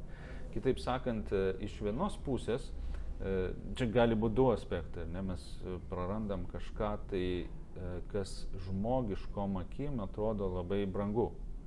Nu, pozicija kažkokia, tai darbo vieta, vardas kažkoks tarp žmonių, ar ne, va to, čia kunigas, šaunuolis, va klebonas, čia, ar ne prarandi kažkokius tokius žmogiškus dalykus, e, netgi dar ir prieš atsivertimą, ar ne, žmonės dažnai nenori tikėti, eiti paskui, nes, o, tai aš žiūrėk, negalėsiu į barus vaikščioti ten penktadieniais, ne, arba sekmadienį ilgai mėgoti, bažnyčia reiks eiti, uh, vėl ten ir tokių va, kažkokių dalykų prara, nu, va, prarasiu, ne, tai va tai yra ta kaina, tokia nedidelė, sakyčiau, kaina už tai, kad uh, sekti Kristumi, bet čia įsiprieda, bet tu gausi šimteriopai. Ir šitoje vietoje vat, mes netekę šitų savo pajamų kažkokių tai pareigų, kažkokių tai vardo gal, ne, kaip net kuningas, garbingas, garbingasis kuningas, netgi yra toks kreipinys. Mm, vis dėlto mes gavom šimteriopai ir palaikymo iš žmonių ir, ir, ir, ir, ir aš manau, kad nu, nebe Dievo tai nevyksta. Vėlgi sakau, jeigu tai būtų vat, mano pagal charakterį, tiesiog aš vat, savo charakterio ten trenkiau iš jo, niekas nieko man neaukotų, nieko, nu išėjai, išėjai pats kaltas. Nes kadangi va čia eini su Dievu ir tas vyksta vardan kažkokio tikslo, kurį Dievas turbūt iškėlės, tai tu ir, ir, ir gauni kitose formose, kitokioj, kitaip, bet, bet gauni, gauni tą palaikymą. E, kas įdomiausia, aišku, ne, nesi garantuotas. Bet čia su Dievu tai yra tas, tas toks humoras, kad kai tu dirbi kažkur, tu žinai, kad mėnesio gale gausi atlyginimą. O kai tu esi vat, tokioje situacijoje, kur su Dievu, tu ateina mėnesio gausi ir galvoji, gausiu ar negausiu ir kiek gausiu. Po to gauni, o pasirodo, visai smagu, visai įmanoma. Ir, tai čia va ta viena pusė, aišku, kainos. Būna ir kitos kainos. Yeah. Čia prieš, prieš laidą pradėjom kalbėti, ar ne? Ir, apie tą, kaip kankiniai yra, kurie liežuvį kažkam mhm. nupjaudavo senovę, kažkas žūdavo, kažkas ir likdavo neįgalus, tai čia kita kaina. Taip, tai čia aišku, mes ne apie finansinę kainą vien tik tai kalbame, čia yra dalis visiškai to, bet kalbant apie tos finansus, mes su jumis nei čia kalbėjomės, nei tarėmės, bet aš kažkada jau, kada Contribui prasidėjo tavo iniciatyva rinkti atleistiems kunigams atlyginimą, tu sakai pats, kadangi tu esi doktorantas, tu dar gauni stipendiją, dėl to tau kaip ir išeina dar išsilaikyti iš to, nors dalis pajamų yra e, prarasta, e, bet e, savo nu, broliams kunigams tu norėjai sukurti tokią platformą, kad žmonės galėtų skirti lėšas, kad jie ne, nepultų ten iš karto ieškotis kažkokių kitokių veiklų ir darbų, bet e, laukdami galbūt ir kitaip galėtų pasitarnauti toliau viešpatės e, karalystį, bent jau kažkokias pajamas gauti, kadangi jos toli gražu nėra tokios mažos, kokios buvo, ne, ir kažkiek jų užtenka, iš čia galbūt neužtenka, tai e, aš pats dalinausi tą, sakykime, nuorodą, kurią tu e, buvai sukūręs ir dabar irgi įdėsiu po, po šitą laidą, kad jeigu kas nors norėsit, galėsit prisidėti prie šitos iniciatyvos, palaikyti atleistus ortodoksų kunigus, kad, kad jie galėtų kažkiek išsilaikyti ir toliau, toliau tarnauti tik kitokiais būdais. Dabar ir Einam tada prie tavęs, gintariai. Aš beje galiu Jo. dar trumpai paminėti, vat, kad šiuo metu mūsų biudžetas, e, vat, mes jau nuo balandžio mėnesį, nuo balandžio mėnesio trečią mėnesį gyvenam, tai šiuo metu mūsų biudžetas e, leidžia mokėti vienam kunigui uh, neįtikėtiną 500 eurų atlyginimą per Tai mėnesį. čia ne- Tikrai, ne, kaip sakyti, ne, ne kosmosas, ne minimumą nesiekia, a, bet a, vis tiek žmonės bent jau kažkiek palaiko, ne, yra nemažai ir tikrai žmonės iš skirtingų konfesijų irgi palaiko, tai e, tikrai e, visus, kuriuos viešpats ragina, irgi raginu tą, tą patį daryti, ats- atsiliepti. E, Ir aišku, tų poreikių krikščionybė yra visokių ir ne tik krikščionybė pasaulyje, kur, kur, viešpats, kur viešpats gali kviesti, bet čia yra vienas iš tų dalykų, jeigu kažkam, jeigu kažkam norėtųsi. Tai a, kokia tada tavo, gintarį, situacija, koks buvo tas tavo paties procesas, galbūt vidinius, aš klausiu apie vidinius tokius Taip, taip. išgyvenimus, kai kitam rašysi.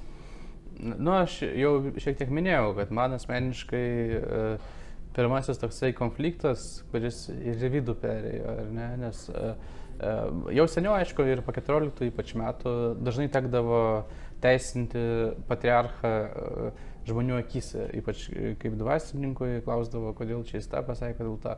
Ir kaip sakiau, anksčiau tai buvo paprasčiau, nes tie žodžiai, nu, buvo e, žmogaus kažkokie tai politiniai pamastymai, kurie neturėjo tuo metu kažkokios materialinės tokios išraiškos. Dabar e, tai tapo e, karo rėmimu ir kai kas netgi svarsto apie karo inspiravimą, nes kadangi patriarchas daug anksčiau pradėjo tą visą savo ideologiją formuoti, tai e, netgi atsirado mokslininkų, apžvalgininkų, kurie kalbėjo apie tai, ar negalima laikyti karo įkvėpėjų, ar po karo už karo nusikaltimus neturėtų būti teisiamas ir pats patriarchas Kirilas. Didžioji Britanija, kaip žinom, įvedė jam sankcijas, siūlė Lietuva ir ES įvesti sankcijas, kol kas neįvedė, bet e, čia va tas momentas, ne, kad patriarchas Kirilas nėra neprobleminė figūra. Ir prasidėjus karo irgi manęs, va, ir artimieji, ir draugai, ir tikintieji pradėjo klausinėti, um, kaip vat, suprasti tos patriarcho pasisakymus, va, tu kaip kunigas paaiškink. E, Dar patriarchas iš tikrųjų irgi yra Lietkalnio viršūnė, nes aplink patriarchą Rusijoje yra krūva visokių populiarių pamokslininkų, eilinių kunigų, kurie yra e, e, žiniasklaidos žvaigždės. Ten tas pats Andrėjus Tkačiovas, yra toksai ir ne kunigas, profesorius Osipovas, žodžiu, kurie irgi e, daug tikinčiųjų ilgus metus klausė jų įvairių pamokslų, įvairių e, katechezių. Ir dabar jie pradėjo atvirai remti karą. Ir dar stipriau ten negu patriarchas. E, Kunigas Artemijus Vladimirovas, jisai netgi pasakė, štai mes pradėjome Ukrainą, sekanti bus Baltija. Ir per Baltijos valstybės mes žygiuosim mūsų armiją ir taip toliau. Ir žmonės ateidavo netgi iš pažinties ir e, klausdavo, kaip tai viską žiūrėti. Ir nebežinojo ir iš viso eiti į bažnyčią, žodžiu. Na, ir, e, aš tada tos, savo irgi tos, aišku, klausimus susiduodavau ir žmonėm e, kažką atsakai. Ir aišku, stengiasi atsakyti ne šiaip kažkokį šabloną, bet pats per save tai perleisti, pats tai e, sužiūrėti. Ir aš mačiau vis labiau, kad aš to pateisinti nelabai galiu, vienas dalykas. O antras dalykas, aš atsimenu, ma- man labai stiprų įspūdį padarė pokalbis su vienu pasauliečiu, kuris iš vis uh, abejojo ar eiti į bažnyčią. Nu, kalbam apie ortodoksų maldos namus šiuo atveju, ar ne? Ar iš viso eiti į pamaldas, kai tokie dalykai vyksta. Ir jisai man sa ir sako, kol kas dar nekelia klausimų, ar likti ortodoksų, bet galbūt ir toks klausimas iškils. Uh, ir jis man paaiškino savo motivaciją. O jo motivacija buvo tokia. Jisai turi du vaikus ir vienas iš tų vaikų jau nustojo vaikščioti į ortodoksų pamaldas. Jis pradėjo vaikščioti į katalikų pamaldas. E, kitas vaikas e, toliau vaikšto ortodoksų bažnyčią. Ir jisai sako, e, ar aš norėčiau, kad mano abu vaikai e, užaugę Maskvos patriarchate e, būtų tikinčiaisiais. Ar patriarchas jiem yra sektinas pavyzdys, ar Maskvos patriarchato transliuojama žinutė yra jiems tinkama. E, ir sako, dėl to aš nenoriu eiti į Maskvos patriarchatą, nes aš nenoriu, kad mano vaikai, mano anūkai būtų Maskvos patriarchato dalis. Ir aš va tą irgi, taip sakant, per save perleidau ir pagalvojau, va yra mano sunus, jis mato mane kaip kunigą ir jisai netgi dabar jau trijų metų mėgdžia ten visas tas apygas, su žaisliniu smilkytuvu vaikšto, ten nevas šventą raštą skaito, ten ir, žodžiu, ir savo, ne, neblogai ten su savo žvakėm visokiom atkartoja visą eigą išorinę pamaldų. Ir e, aš taip pagalvojau, ten taip patinka tos visos apygos, jį gali nusivesti į cerkvę, jam viską nu, puikiai patinka. Ar aš norėčiau, kad jisai uh, uh, kaip aš taptų Maskvos patriarchato kunigu? Uh, ir aš pagalvojau, kad ne. Dėl to, kad iš tikrųjų, pradedant tuo, ta visa ideologija dabar toksiška ir baigiant tuo, koks yra bendravimas viskupų su kunigais, koks yra bendravimas kai kurių kunigų iš tikrųjų su pasauliečiais, kokia yra autoritarinė ta sistema, kiek yra daug tokių elementų negerovių. Ir e, galų gale, e, vat patriarchas, mes e, apie tai kalbėjom, teoriškai jisai kaip yra vienas iš viskupų tik tai. Bet yra dar toks aspektas moralinio autoriteto. Jisai vadinasi patriarchas, dėl to, kad jisai turi tam tikrą autoritetą, nu, pirmiausia, rusų tautai, ar ne? Ir mesgi netgi ir Lietuvoje vieną žmogų vadinam patriarchu, tai va, politika viena, e, taip e, perkeltinė prasme turėdami omeny, kad jis va, autoritetas. Ir, ir tas titulas iš to ir kilęs yra. Ir patriarchas Kirilas jis irgi nėra eilinis žmogus. Ir aš su to susidurdavau kaip kuningas, kai uh, matau ar ne, kad patriarchas Kirilas uh, skelbia uh, nekrikščioniškas, mano nuomonė, pažiūras. Uh, čia tas karas ar ne pats uh, aštriausias pavyzdys. E, tai tikintysis gali su manim, e, mano požiūrį lengvai nesutikti, nes kur yra mano eilinio kunigo žodis, o kur patriarcho žodis. Ir tada galvoju, jeigu mano sunus grįžtų, čia jau uh, sekanti mintis, kad jeigu mano sunus grįžtų vieną dieną iš cerkvės ir pradėtų man sakyti, kad uh, čia vat Ukraina, Baltarusija, Rusija, Lietuva, Latvija, Estija, čia yra rusų pasaulis, vienos rusų kultūros uh, uh, dalis kad rusų kultūra yra dvasinga, kad rusų kultūra, e, mes turime atsigręžti į rusų kultūrą, kad išsigelbėt nuo vakarų viso blogio purvo, kuris kelia pasaulį. Ten e, patriarchas Kirilas sako, kad apokaliptinius įvykius atmina tai, ką daro vakarai ar ne. E, ir panašiai. Ir čia va tas karas irgi, jisai, kaip patriarchas sako, kariai, rusų kariai Ukrainai gina savo tėvynę, nes priešinasi tam vakarų visam blogiui, tai metafizinė reikšmė turinti kova, kaip jis sako. Tai va, ir jeigu mano sunus pradėtų visą tai kalbėti man, e, tai kaip e, aš tada, e, e, nu, aš norėčiau to, ir aišku, kad aš to nenorėčiau. Bet, e, o mano sunus pasakys, nu tai tu tėtė eilinis kunigas, o čia vat patriarchas pasakė. Čia įdomus klausimas kyla šitoje vietoje. Šiaip su asmenybių kultu. Aš nesenai klausiau tokio podcast'o, yra apie The Rise and Fall of Marzil, vadinasi, buvo toks evangelinė krikščionybė, tikriausiai jums nebuvo žinoma figūra Markas Driskolas, kur buvo pakankamai žinomas um, evangelikams ir jis buvo vienas iš tų pirmųjų, kuris panaudojo socialinės medijas uh, tarnystėj įvairiai ir uh, labai greitai kilo, labai didelė bažnyčia, išsiplėtė visą kitą ir galiausiai labai greitai viskas subirėjo. Ta prasme, ir labai daug sužeistų žmonių ir, ir viso kito, ir atgalos pato nebebuvo, dar kažkas. Uh, Ir tame, šitame podcast'e, kurį kurio Christianity Today, e, viena iš tokių žin, žinomiausių tikriausiai tokių, nu, sakykime, leidybos e, organizacijų krikš, e, evangeliniai krikščionybei, jie toliau bando tyrinėti šitą sritį asmenybių kultų. Ir konkrečiai, aišku, pas evangelikus pirmiausia, dar, nes tai yra evangelinė, sakykime, organizacija, evangelinės minties. Ir iškeliama yra ta problema, kad va, daug žmonių sudeda savo viltis į asmenį, ir padeda tiems asmenims iškilti, tada mega bažnyčių tie pastoriai labai greitai prisidirba, daugiausiai tai būna uh, evangeliniai krikščionybė, seksualiniai skandalai, pavyzdžiui, būna tokie, dažniausiai ne pedofilija, bet uh, neištikimybė kažkokia, dar kažkas tokia išnaudojimas ten uh, žmonių vienokio ir kitokio, arba šiaip tiesiog moraliai neprimtinas kažkoks elgesys. Ir kad toks atsiranda tas kaip užburtas toks ratas, kad vieni kaip ir nori kažkokios valdžios, jie, pa, kaip sakyti, neturi tinkamos tokios for, formacijos, ne, jie atsiranda tokie charizmatiški, e, e, pamokslininkai, kuriuos žmonės mėgsta, jie patys yra užsideginęs, net ne, kaip sakyti, ne, nekvesionuoju jų motivacijos, bet galiausiai ta, dėl žmogaus tokios, nu, tokios, nu, nežinau, ortodoksus kitaip šiek tiek yra su ta prigimtinė nuodėmė, tai čia, bet vis tiek yra netokia dužusi, lūžusi žmogaus uh, prigimtis, ar ne, ir, ir, ir ta nuodėminga, uh, ta, ta nuodėmė viduje veikianti, jinai uh, padeda priimti ten tokią tą šlovę, sakykime, žmonių, tada prasideda, pradedi galvoti, kad tu esi ten pats geriausias, galbūt pats fainiausias, tada pradedi tildyti tuos, kurie tau yra nepalankus, visa kita. Ir tada, kai kažkas atsitinka jau tai figūrai, tada ir žmonės pasimeta ir nebežino, ką daryti, išeina iš bažnyčių, visa kita, prie ko aš dabar čia vedu. Ne? Pas, tai ir pas evangelikus yra tų bėdų, kur net nėra hierarchinės struktūros jokios, tarsi nėra nei popiežiaus, nei patriarchų, nei, nei dar kažko, ne. Yra viskupų tam tikrų, ten tose tradicinėse protestantiškose denominacijose ir ne tik juose, bet, pažiūrėjau, pas anglikonus, pas reformatus, nu, pas reformatus yra šiek tiek kitaip, bet pas, pas liuteronus. Tai tam tikra hierarchija yra, tam tikros figūros yra, bet vis dėlto jinai nėra nieko panašaus nei į katalikus, nei, nei, nei į ortodoksus. Ir jau ten jau yra problemų dėl, sakykime, tų asmenybių kulto.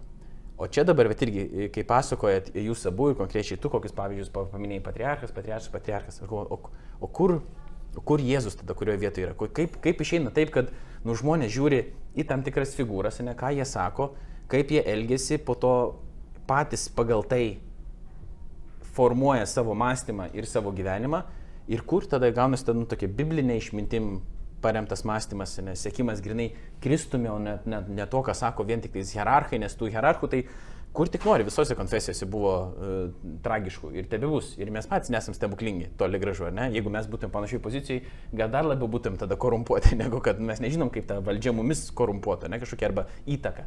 Ne? Bet mano klausimas, tada vėl grįžtu čia po tokio ilgo jau įžangos prie to. Ar netrodo tada pirmiausia nuo tavęs, po to prie tavęs, tai tą leisiu kad e, čia yra problema, ta, kad tas, tas asmenybių toksai kultas ir per mažai žiūrėjimo į, į Kristų ir konkrečiai jo mokslą.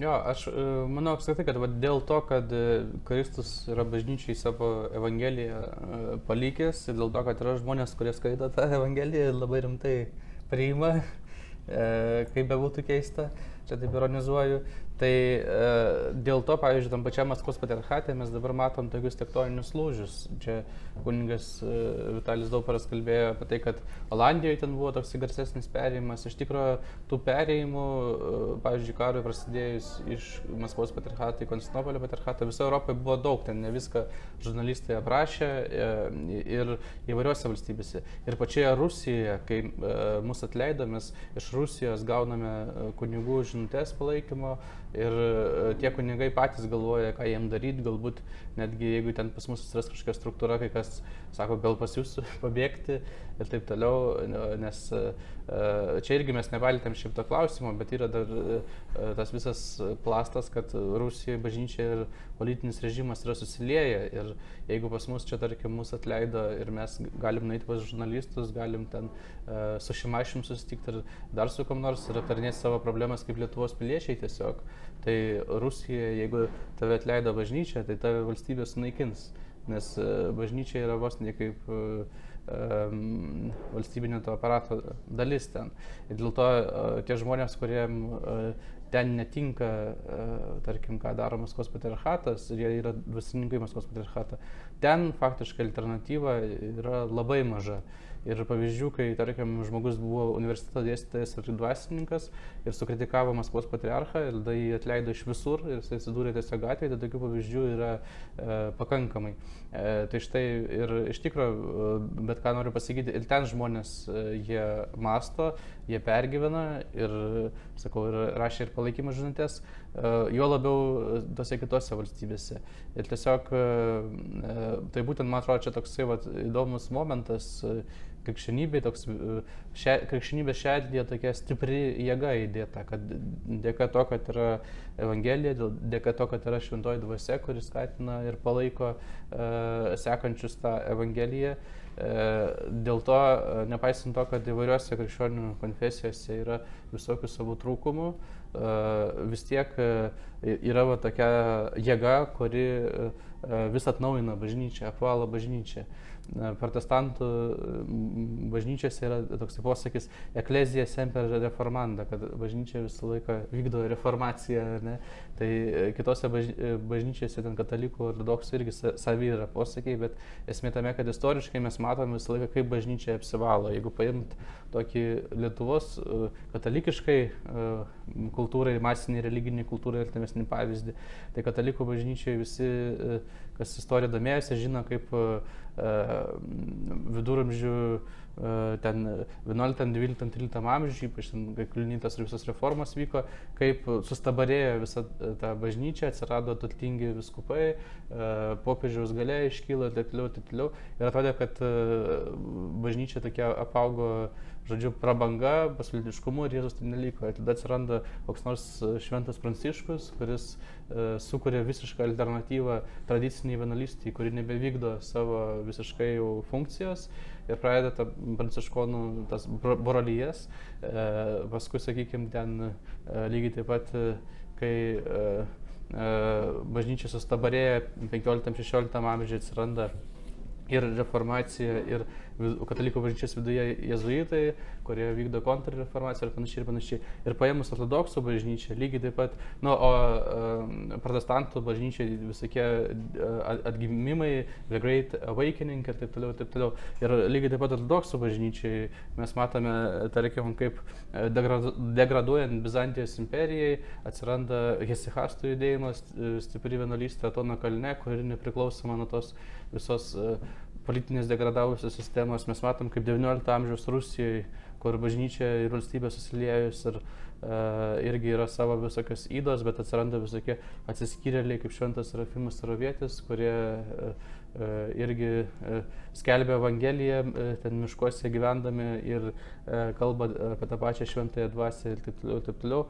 Uh, ir, žodžiu, ir būtent dėl to, kad uh, yra paliktas va tas garstyčias grūdas, kuris uh, auga ir skinasi e, kelią. E, bažnyčia, e, nors ir žmonės puola, bet jį visą laiką dėka tos vidinės jėgos atsinaujina ir apsivalo.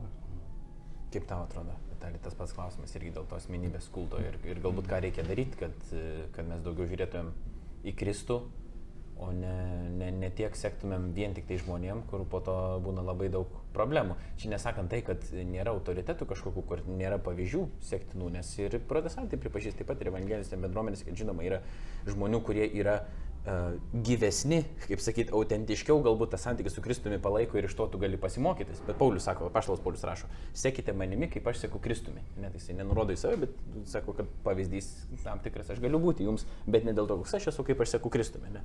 Tai kaip, kaip tu pats irgi atsakytum šitą klausimą? Tai čia tas pavojus susižavėti žmogumi, taip kaip tu pasakai apie pastorius, apie kleboną ortodoksų pavyzdžiui, ar ne, arba ten E, katalikų ir taip toliau. Pa žmonės yra, turbūt tai yra toks, aš visada, visada labai priešiškas ir alergiškas tam ir iki šiol savo žmonėm, mūsų parapiečiam, kur sustinkam vis dar, e, visada sakau, ne, nežiūrėkit kunigo, nesekit kunigų. Uh, bet e, kunigas yra jums patarnaujantis, ar ne? Kunigas gali būti pavyzdys tam tikrose momentuose gyvenimo, ar ne, kažkokiuose dvasiniuose, kur jisai pats yra pažengęs maldoje, ir kažkur galbūt kunigas daugiau tiesiog žinių turi teologinių, kuriamis jis gali dalintis. Bet tai nereiškia, kad e, sekti to kunigu, vat, kaip jis daro viską taip daryti ir vat, jis mūsų kelrodės, o jeigu jis ten staiga suklupo, ar, ar žuvo, ar susirgo ir, ir žmogus lieka be nieko. Tai, tai, tai yra labai įdinga iš tiesų ir iš kitos pusės galbūt žmonėms taip paprasčiau, nes jie mato gyvą pavyzdį ne, ir jiems mažiau reikia kažkaip pastangų kažkokių dėti, studijuoti, kažkaip gilintis, kaip čia tą Evangeliją išgyventi. Nu, va, tai yra gyvas pavyzdys, va, taip. E, plus yra dar nu, irgi ortodoksų bažnyčių tas pa, pa, paplitęs toksai vat, palaiminsi. Ne? Vat, vat, ten batiuška palaimink. Palaimink mašiną pirkti, palaimink operaciją daryti, palaimink tą ar aną ir tokia atsakomybė truputį atsikratysiu, ar ne? O čia viskas maždaug, nu, ant kunigo, per jį ant Dievą, vat, per jį kažkaip, vat, ir čia toks, Paslaugų tokia mistika kažkokia gaunasi. Kas irgi yra visiškai neteisinga, ar ne? Gali pasimelsti už tą žmogų, kad būtų Dievo valia ar panašiai, bet, nu, va, toks, va, aš to palaiminu, kaip buvo toks pavyzdys žmogui. Nu, va, nepalaimino jam pirkti mašinos, tai jis po to ten savo kaime 3 km kasdien į darbą ir atgal ir vaikščiojo, nu, pats kaltas maždaug. Tai, tai tai yra neteisinga, absoliučiai. Ir mm, va, ta hierarchinė sistema vis dėlto, e, jeigu jin tobulai veiktų, Tai ir jinai padeda e, išvengti šitų bėdų. Pirmas dalykas, kad e, tas, pradedant nuo, nuo artimiausių, ar ne, artimiausiai kunigas, klebonas, jis yra priklausomas gerąją prasme turėtų būti, ne nuo vyskupo, ar ne? Jeigu vyskupas turi su juo bendrauti, matyti, kokia situacija jo parapijoje ir, kaip sakyti, jį paprotinti, jeigu jau matyti, kad, nu, tu jau čia perlinkiai truputėlį lasdą, ar ne? Galų gale netgi perkelti kitą vietą, kad žmonės neprisirištų per daug. Ne? Arba jis, pavyzdžiui, labai gerai, vat, vat, nu, nuostabus remontininkas. Jis sugeba rasti pinigų, pats supranta, padarė remontą, blizga bažnyčia ir viskas, bet šlubuoja pastoraciją šiek tiek, ne? Tai viskupas sukeičia. Yra kitas kunigas, kur labai pastoracija ir bendruomenė super, bet grūna bažnyčia. Nu, su, gali sukeisti vietomis, ar ne? Tai, tai va ta sistema turėtų taip veikti. Viskupas vėlgi jisai turi aplinkui save turi turėti kunigų tarybą, kur jau kunigai susirinkę gali jam duoti patarimą kažkokie tai iš, iš, iš, iš kunigų surinkti arba va, tas kunigų susirinkimas, ne, kuris vyksta kasmet, kartą į metus ar kaž, kažkiek, kur, kur jau tada viskupai gali kažkokių patarimų duoti kunigai, viens kitą prižiūrėti. Tada toliau yra viskupų sinodas, ar ne?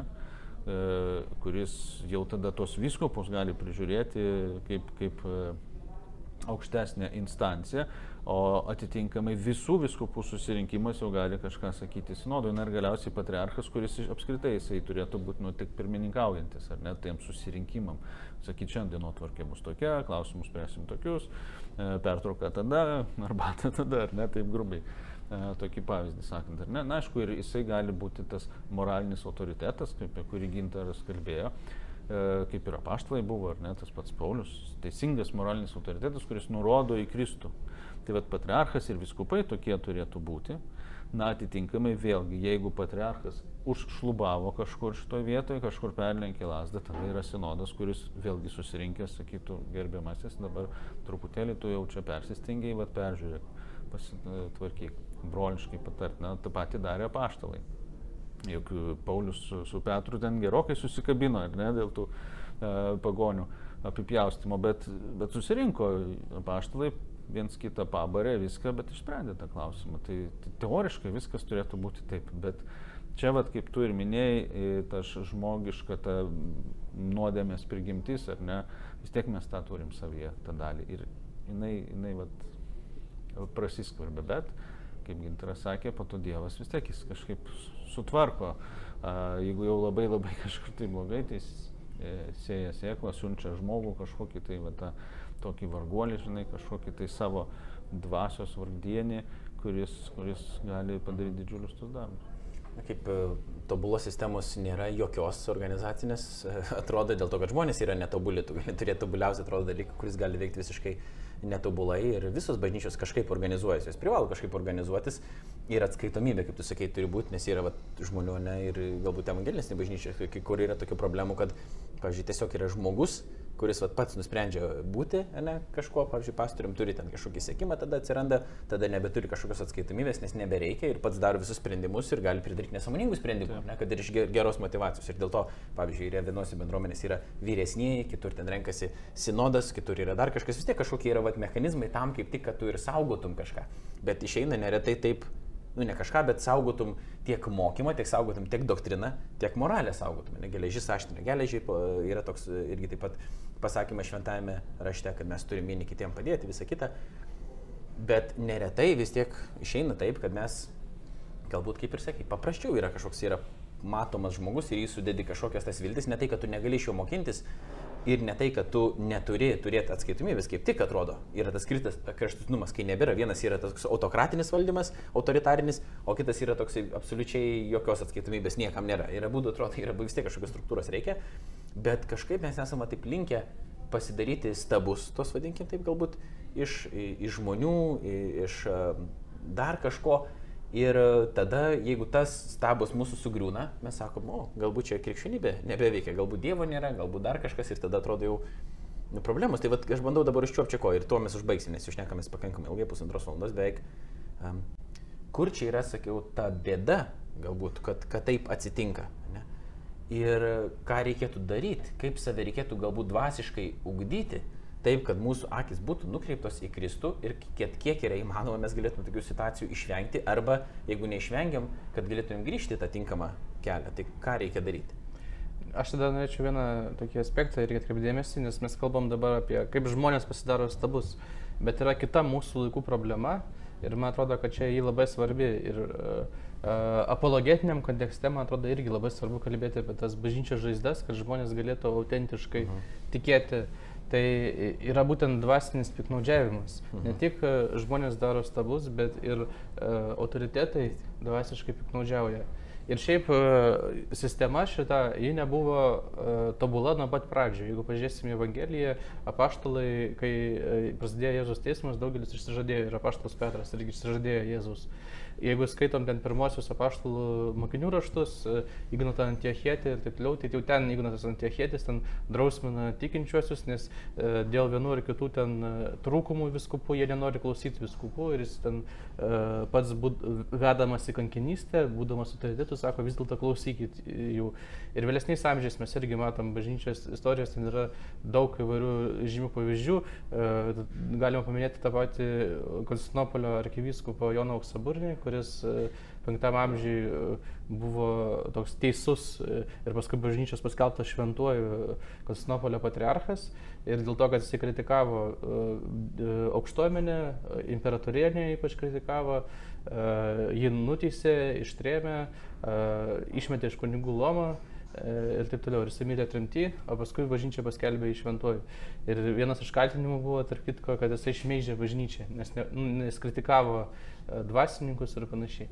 Tai va, e, paskui Maksimas išpažinėjęs irgi e, jau, jau 7 amžiui, irgi paskelbtas vėliau šventuoju bažnyčios, o jam už tai, kad jisai kritikavo viskupų pažiūras, nukirto ranką, nukirto ležuvį ir ištrėmė. Ir jisai numirė trimtyje. Ir tokių atvejų yra daugybė.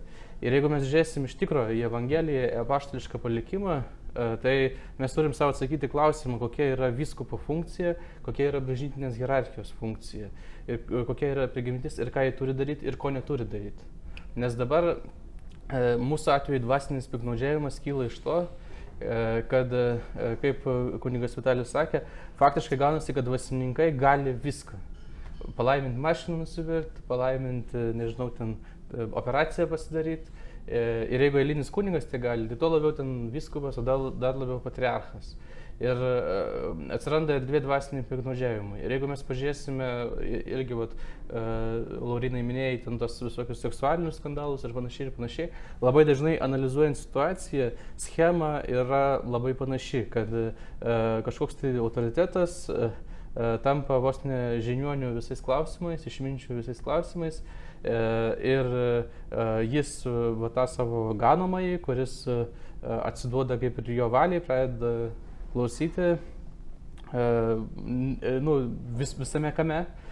Jis paskui išnaudojant, pavyzdžiui, jeigu koks nors ten uh, seksualiai priekabiaujantis ten pastorius ar netgi vienuolių ordino vadovas, ir tokiu atveju buvo, tai jis uh, sukuria kažkokią savo dvasingumo teoriją, kur tam tikrai seksualiniai aktai tarp jų čia galimi ir jis ten viską, žodžiu, paaiškina, pateisina ir taip toliau, taip toliau.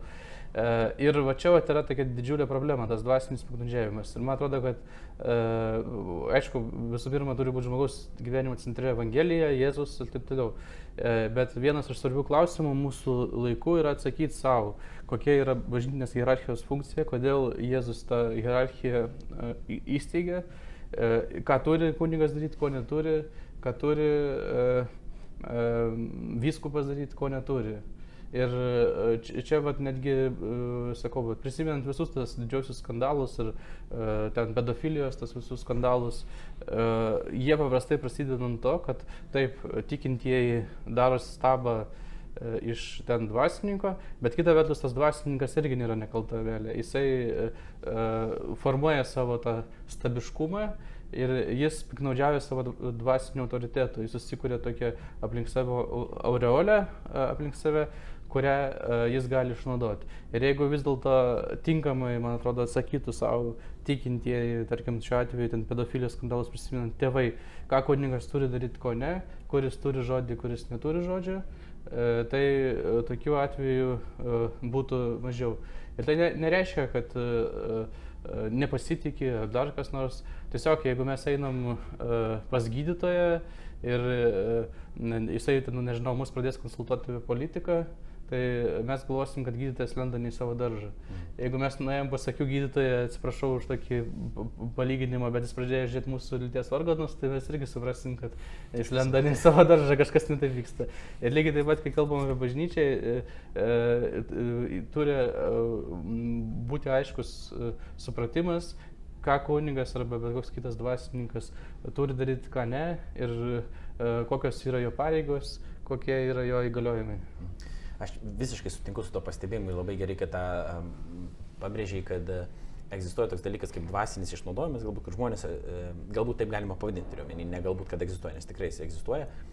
Ir uh, čia mes ir visas pasaulis, ir patys krikščionys, mes jau turim savo, savo bendromi žymiai aukštesnę kartelę, nes uh, išnaudojimo ir viso kito pasitaiko visuose, vis, uh, kaip sakyti, visoji visuomeniai, bet uh, mes kaip krikščionys patys suprantam, kad mūsų moralinis standartas turi būti aukštesnis Ir kas yra įdomiausia, kad ir pasaulis supranta, kažkokiu būdu net nebūtinai išmanydamas krikščionišką teologiją, kad ne, kunigui tai nedėra važinėti, žinai, su kažkokiu e, elektrinė mašina, pačia naujausia, žinai, neaišku, iš kur e, gauta čia klausimas, kodėl tas žmogus taip galvoja, ne? nes jeigu jis galvotų, kad e, čia yra tiesiog dar vienas darbas, nu, tai sakytų gerai, jeigu verslininkas važinėja, tai jis yra šaunuolis, jeigu kunigas, tai negalima. Kodėl negalima? Nes kažkokiu intuityviai, galbūt kažkaip, ar iš kažkokio pasakojimo supranta, kad, nu, tai kažkaip nedėra su Jėzaus mokymu, ne kažkoks toksai ypatingas toksai galbūt tavo status ten uh, uh, rodymas ir, ir, ir panašiai. Čia galbūt automobilis nebūtinai yra uh, pats geriausias pavyzdys, bet kad kai kurie dalykai tiesiog yra nederami ne, tam tikrose kontekstuose ir kad krikščionėms jau egzistuoja aukštesnis standartas.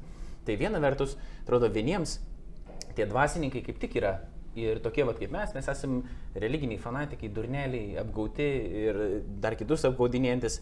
Um, taip gali atrodyti, ne? mes jokių būdų niekada jiems netapsim jokiais autoritetais, mes esame, ta prasme, va, ten jau šalia plintuso, ta prasme, apgailėtini, netgi taip ir sako žmonės, tiesiai šviesiai, ne, tu esi apgailėtinas, ten, toks man gaila tavo gyvenimo tai, ir, ir taip panašiai, ne. Uh, ir, ir, ir, bet yra kitų, ne, yra žmonių grupė, galbūt kurie, kuriem tikėjimas yra svarbus, ar nebūtinai kartais netikėjimas būna, bet kažkokia tradicija jiems yra svarbi. Ir jie mato tik socialinę to pusę. Ir jiems yra svarbu ta hierarchija, tada kunigas kaip paslaugų tiekėjas, tada, žinai, ten nebūtinai tikėjimo jokio gali nebūti, bet žmogus mato tą asmenį, sakykime, jam taip pat yra kaip Seimo narys ar kunigas jam yra praktiškai tas pats. Kažkokie vat, valstybės tokie pareigūnai aukštesnio statuso, kažkokias funkcijas atliekantis. Ne?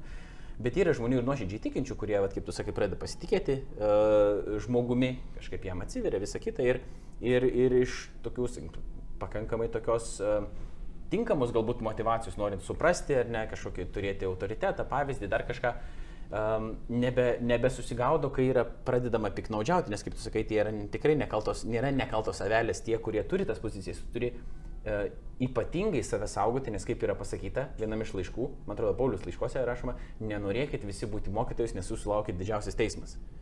E, kad su ta rolė ateina ir tam tikra atsakomybė, kuri yra aukštesnė atsakomybė. Plus yra ten viskupams, vyresniesiems yra išvardinti tam tikri kriterijai, kokius tu turi atitikti tam, kad tu galėtum būti ten vienos žmonos vyras, ten uh, susivaldantis, nekivirčius, ne, ne, ne bobšas, ne dar kažkas, dar, nu, visokių va tokių ar ne dalykų, kad jau kartelė yra kažkokia aukštesnė ir tu turi ypatingai savo, dėl to tas mechanizmas turėtų kaip ir padėti visame tame. Tai atrodo yra toks dvipusis, ar ne, kad viena vertus yra žmonės, kurie galbūt per mažai save pažįsta arba per daug galvoja, kad aš esu tvirtas, dar kažkoks ir, ir nes ne visi eidami į tas, uh, sakykim, tapdami hierarchais kažkokiais, ar neturėdami kažkokią rolę bendruomenėje, e, kuri yra gerbtina, nebūtinai turi norą išnaudoti žmonės, gali būti ir, kaip sakyti, yra motivacija, visa kita, bet kadangi savęs galbūt taip nepažįsti arba pervertini savo geronoriškumą ir nuvertini savo nuodėmingumą po truputį, po truputį, po truputį, kaip Ravi Zakarajas atveju buvo toks evangelikų uh, apologetas, kur irgi išlindo po jo mirties jau sekso skandalai, kad jis išnaudojo ten moteris. Uh, ir po to žmonės, kurie jau vertino tą situaciją, sako, čia ne per naktį viskas įvyko, viskas po truputį, po truputį, po truputį dėliojasi ir po to galiausiai, kadangi nebuvo jokios atskaitomybės, žmonės labai įgerbė, negalėjo paklausti, vat, kodėl tu čia, vat, o kaip tau sekasi, kai tu nuvažiuoji į viešbutį ir tu ten šiaip bebūni be savo šeimos apie pusę metų ir tik pusę metų su savo šeima, kartais net du trečdalis metų be savo šeimos būni, nes kažkaip visi jo pasitikėjo, o paaiškėjo, kad vyko toks, nu, gyvenimas už nugaros. Gerai, bet vėl, aš truputį įsiplėčiau, atkreipi dėmesį, kad Gerai, Kristus, Evangelija centre, bet praktiškai mes dar turim turėti uh, tam tikrą sampratą, kaip atrodo bažnyčios gyvenimas. Ir kad čia būtų ir evangelikams suprantama, nebūtinai ten hierarchija kažkokia, nes ta žodis ne, laik, ne visur yra mėgstamas, nors ta hierarchija vis tiek kažkokia egzistuoja tam tikrų būdų, bet turi būti, kaip veikia ta struktūra ne bažnyčios, mūsų bendruomenės, kaip jinai organizuojasi ir kas ką gali ir kas ko negali daryti. Ir čia būtų panašus, gal man paraleliai atėjo toks palyginimas, su uh, darbo aprašymu, ne žmogaus, kad pavyzdžiui, neretai man yra buvo irgi tokių darbų, kad aš ateinu į vieną darbą dirbti, bet aš darau labai daug dalykų skirtingų, kurie niekaip nepriklauso man darbo, bet kadangi tu bijai pasakyti kažką, kad tave išmės iš darbo, dar kažką tu tiesiog darai viską, nors tu galėtum pasakyti, nu, aš ne, neturiu šitų dalykų daryti, ne už tą man, man niekas nemoka už tai papildomai, kad aš darau visus šitos dalykus, ne, bet, nu, atrodo, darai. Kitas dalykas yra pats tas tavo vadovas, gali kažką to pradėti sakyti, ne, kur jam nepriklauso to sakyti, jam tai net neturėtų rūpėti, bet kadangi jisai jaučia tą tokią valdžią, o tu nesupranti, ką jisai gali, ko jisai negali ir šiek tiek bijai, prisibijai, tai tu leidi jam, ta prasme, tos dalykus daryti, o jisai pats savęs nevaldo, galbūt kažkaip. Tai čia irgi galbūt ką sakai, bažnyčiai, jeigu mes geriau suprastumėm tam tikrą prasme, tą pasaulietinę kalbą kalbant, darbo aprašymą arba tą pareigybės aprašymą, tada mes galėtum geriau ir kontroliuoti nu, vieni kitus, kas ką gali sakyti, kas ko, kas ko negali sakyti, kur aš jau galiu paklusti, kur aš negaliu. Pas katalikus, pavyzdžiui, yra, čia jau paskutinė mano mintis ir jau užbaigsim e, ties tavo atsakymu kad uh, vat, galima, negalima kritikuoti popiežių. Ne? Vieni sako, katalikai, aš paklausau jų ne, diskusijų, uh, kad iš vis negalima kritikuoti popiežiaus. Ne, vieni turi tokią poziciją, kad čia jau yra kažkoks nepaklusnumas bažnytiniai valdžiai ir autoritetui, tu čia save, save statai aukščiau. Kiti sako, e, galima ir reikia kritikuoti popiežių ir e, daro tai pakankamai aštriai. Kiti sako, kartais mes turim būti, kaip sakyti, ir tokie ne per daug kritiški, bet negalim ir tylėti, kadangi popiežius vis dėlto yra žmogus. Ne, kad, nu, bando tokios tarpinės kažkokios pozicijos laikytis.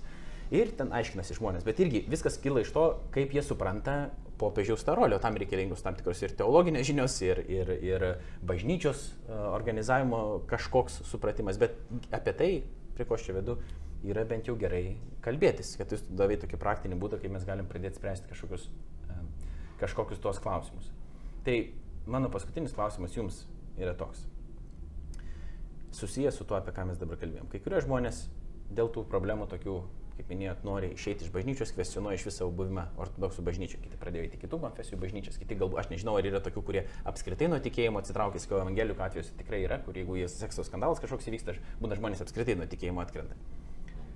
Um, jums patiems pradėjo kilti kokiu nors, nežinau, klausimų dėl apskritai ortodoksijos, nu, teologijos, e, nu, ir po to galbūt pačios krikščionybės, čia dabar ka, ka, kas čia vyksta, jeigu krikščionis atrodo skelbintis taikos evangeliją, išpažįstantis taikos karalių Kristų, pradeda ir hierarchijais tam gerbtini, ne, turėtų būti bent jau asmenys, pradeda šnekėti tokius dalykus, kurie atrodo kažkaip yra nesuderinami, tai ar iš tikrųjų ta evangelija keičia tos žmonės, gal čia kažkokia pasaka, mes čia tiesiog taip susigalvojam ir, ir yra žmonių, kurie yra netikintis ir elgesi kartais netgi geriau, negu kad krikščionys patys elgesi, tai, tai nepradėjot kvestionuoti ortodoksijos ir krikščionybės pačios.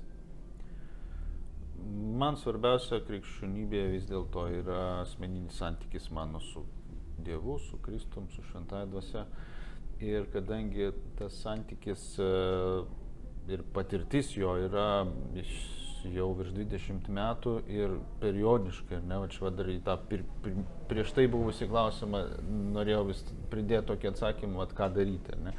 Tai va, o daryti reikia rekolekcijas, ar ne, ar taip sustojimus, sustoti, atsitraukti nuo visko, nuo visko pilnai, nuo, nuo kiekvieno kasdienybės savo, išeiti į mišką, į, į kažkokį vienuolyną į tylų kambarėlį vienai, dviem, trim dienom, kiek išeina. Ir tik tais paskirti laiko bendravimui su Dievo maldai, skaitimui, švento rašto skaitimui. Gerai, jeigu tai kažkokia vieta, kur, kur vienuolynas ar ne, kur kažkokius dar apėgos, tu gali dar įsijungti į tokią bendrą va, tą dvasę. Ir tenais tiesiog susikonektinti, vėl susijungti, prisiminti, ne, rekolekcijos tai yra nu, ir prisiminti tą vat, santykį savo su Dievu turėtą. Ir jisai turi nu, va, tą balansą atstatyti. Ir tada iš to santykio toliau eiti, a, atsakant į tą klausimą dėl ortodoksijos, aš a, ieškojau atsakymų, kuri čia konfesija būtų ar ne. Aš a, apskritai esu krikščionis, plačiaja prasme, krikščionis, nes Kristus yra mano gelbėtojas, aš tikiu švenčiausią trybę ir, ir vat, taškas, ar ne? Čia yra esmė, bazė, daugiau kas, kas virš to, tai jau tada jau yra tokie niuansai. Ir va tuose niuansuose aš savo ieškojau atsakymų. Ir labiausiai man, su mano supratimu, su mano širdimi, man va, sudėrėjo būtent ortodoksiški atsakymai. Tai dėl to šitoje vietoje aš to klausimo nekeliu, nes e, irgi esu jau per tai perėjęs, kad viena tai yra apskritai ortodoksų bažnyčia, vis dėlto jin yra viena, mes kalbėjome apie 15, bet jų nėra 15 bažnyčių, yra bažnyčia ortodoksų bažnyčia yra viena ir joje yra sudėdamosios dalis, tos tie patriarchatai. Tai kitaip sakant, ta bažnyčia yra virš, virš tų. Ne, ir jos galva nėra patriarchas, jos galva yra Kristus. Tai vad šitos bažnyčios, kurios galva Kristus, tai jokių klausimų man nekyla. Nei dėl jos vadovo abejonių, nei dėl bažnyčios kaip krikštytų krikščionių e, bendrystės šeimos. Ne? Mes galim dar plačiau, ne? Mes galim sakyti, kad visi krikščionys, visi krikštyti esam bažnyčia, ne? esam viena šeima Kristaus, mūsų vadovas. Tai, tai dėl šitos man klausimų nekyla. O dėl mokymo ortodoksiško, vėlgi jisai, uh, patriarchas neskelbė dabar jokio kažkokio kito mokymo ar kažko, net jeigu ir skelbtų, vis tiek tas bažnyčios mokymas, kuris yra per amžius suformuotas, man jisai tinka, priimtinas ir aš irgi nemanau, na, kažkaip, kad pavienis žmogus, kuris klysta, jis nu, turėtų tą atmušti, ką šventieji per tiek laiko surinkę tą vat, turtą mūsų paveldą ir nu, pakeisti jo kažkaip. Ne, nu, nežinau, kas, kas, turėtų, kas galėtų pakeisti tą mokymą, ar ne, jis jau yra ir yra. E, dėl struktūros taip, vėlgi, čia kitas klausimas. Apskritai priklausomas bet kokiai struktūrai, kaip ir tu sakai, ar tai būtų ortodoksų bažnyčia, ar katalikų, ar, ar, ar kažkokia evangelinė, e, tos, tose struktūrose jau, jau žmogiška ta dalis, ten gali kilti problemų tam tikrų ir bet kokioje struktūroje. Tai, tai vėlgi mes keičiam šiai dienai, kaip mūsų tas reikalavimas yra gan neaukštas patriarchui, kad bent jau jis nelaimintų karo. Tai, tai kol kas tokį patriarchą surasti nėra sunku, čia turbūt bet kuriam pirštų bakstelsi ir pataikysi. Kodėl Konstantinopolis? Ne, tai dėl, kad Konstantinopolis buvo Lietuvoje. Tai yra pirmasis patriarchatas. Pirmoji krikščionybė apskritai į Lietuvą atėjusi, tai buvo ortodoksinė krikščionybė iš Konstantinopolio patriarchato. Jau vėliau atėjo katalikai, ar ne? A, tai, tai kažkaip irgi, nu, pat, tos šaknis tokios, todėl, todėl Konstantinopolis. Mhm. E, bet kad tenais viskas bus tobula, tai mes tikrai nesam naivus ir, ir nesakom, kad nu, ten bent jau nelaimina karą. Ir e, abu jūs esat e, konvertitai, atsivertė jau suaugę, ne kiek aš pamenu, ir neatsimenu, kiek tau metų tik buvo. 20. 20. Gintaras biški vyresnis atsivertė, ne? Tu, nu, kaip nu, panašiai, ar, filosofijos studijų metu. 20 ar 21 man buvo. Ja. Jeigu bus įdomu, šities irgi nuorodas į mūsų visas laidas, nes su Vitaliu esam kalbėję, man atrodo, du kartus, su Gintaru gal tris ar keturis.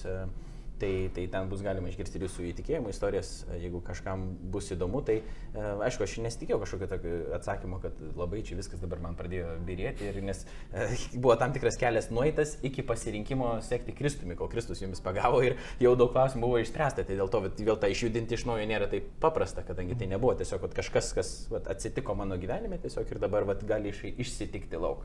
Ne? Bet e, kaip tau, gal aš klystu, gal vis dėlto sudrebėjo viskas tavo pamatai. Man iš tikrųjų, vat, kaip tik, didžiausios dvasinės kančios buvo iki to uh, uh, atleidimo. Uh, tai va, uh, netgi prisipažinsiu, kad uh, buvo uh, tokių vakarų, kai kokį stipresnį alkoholinį gerimą netgi atsigerdavai, kad e, atsijungtų, e, nu, bent biškiai atsipalduotų galva.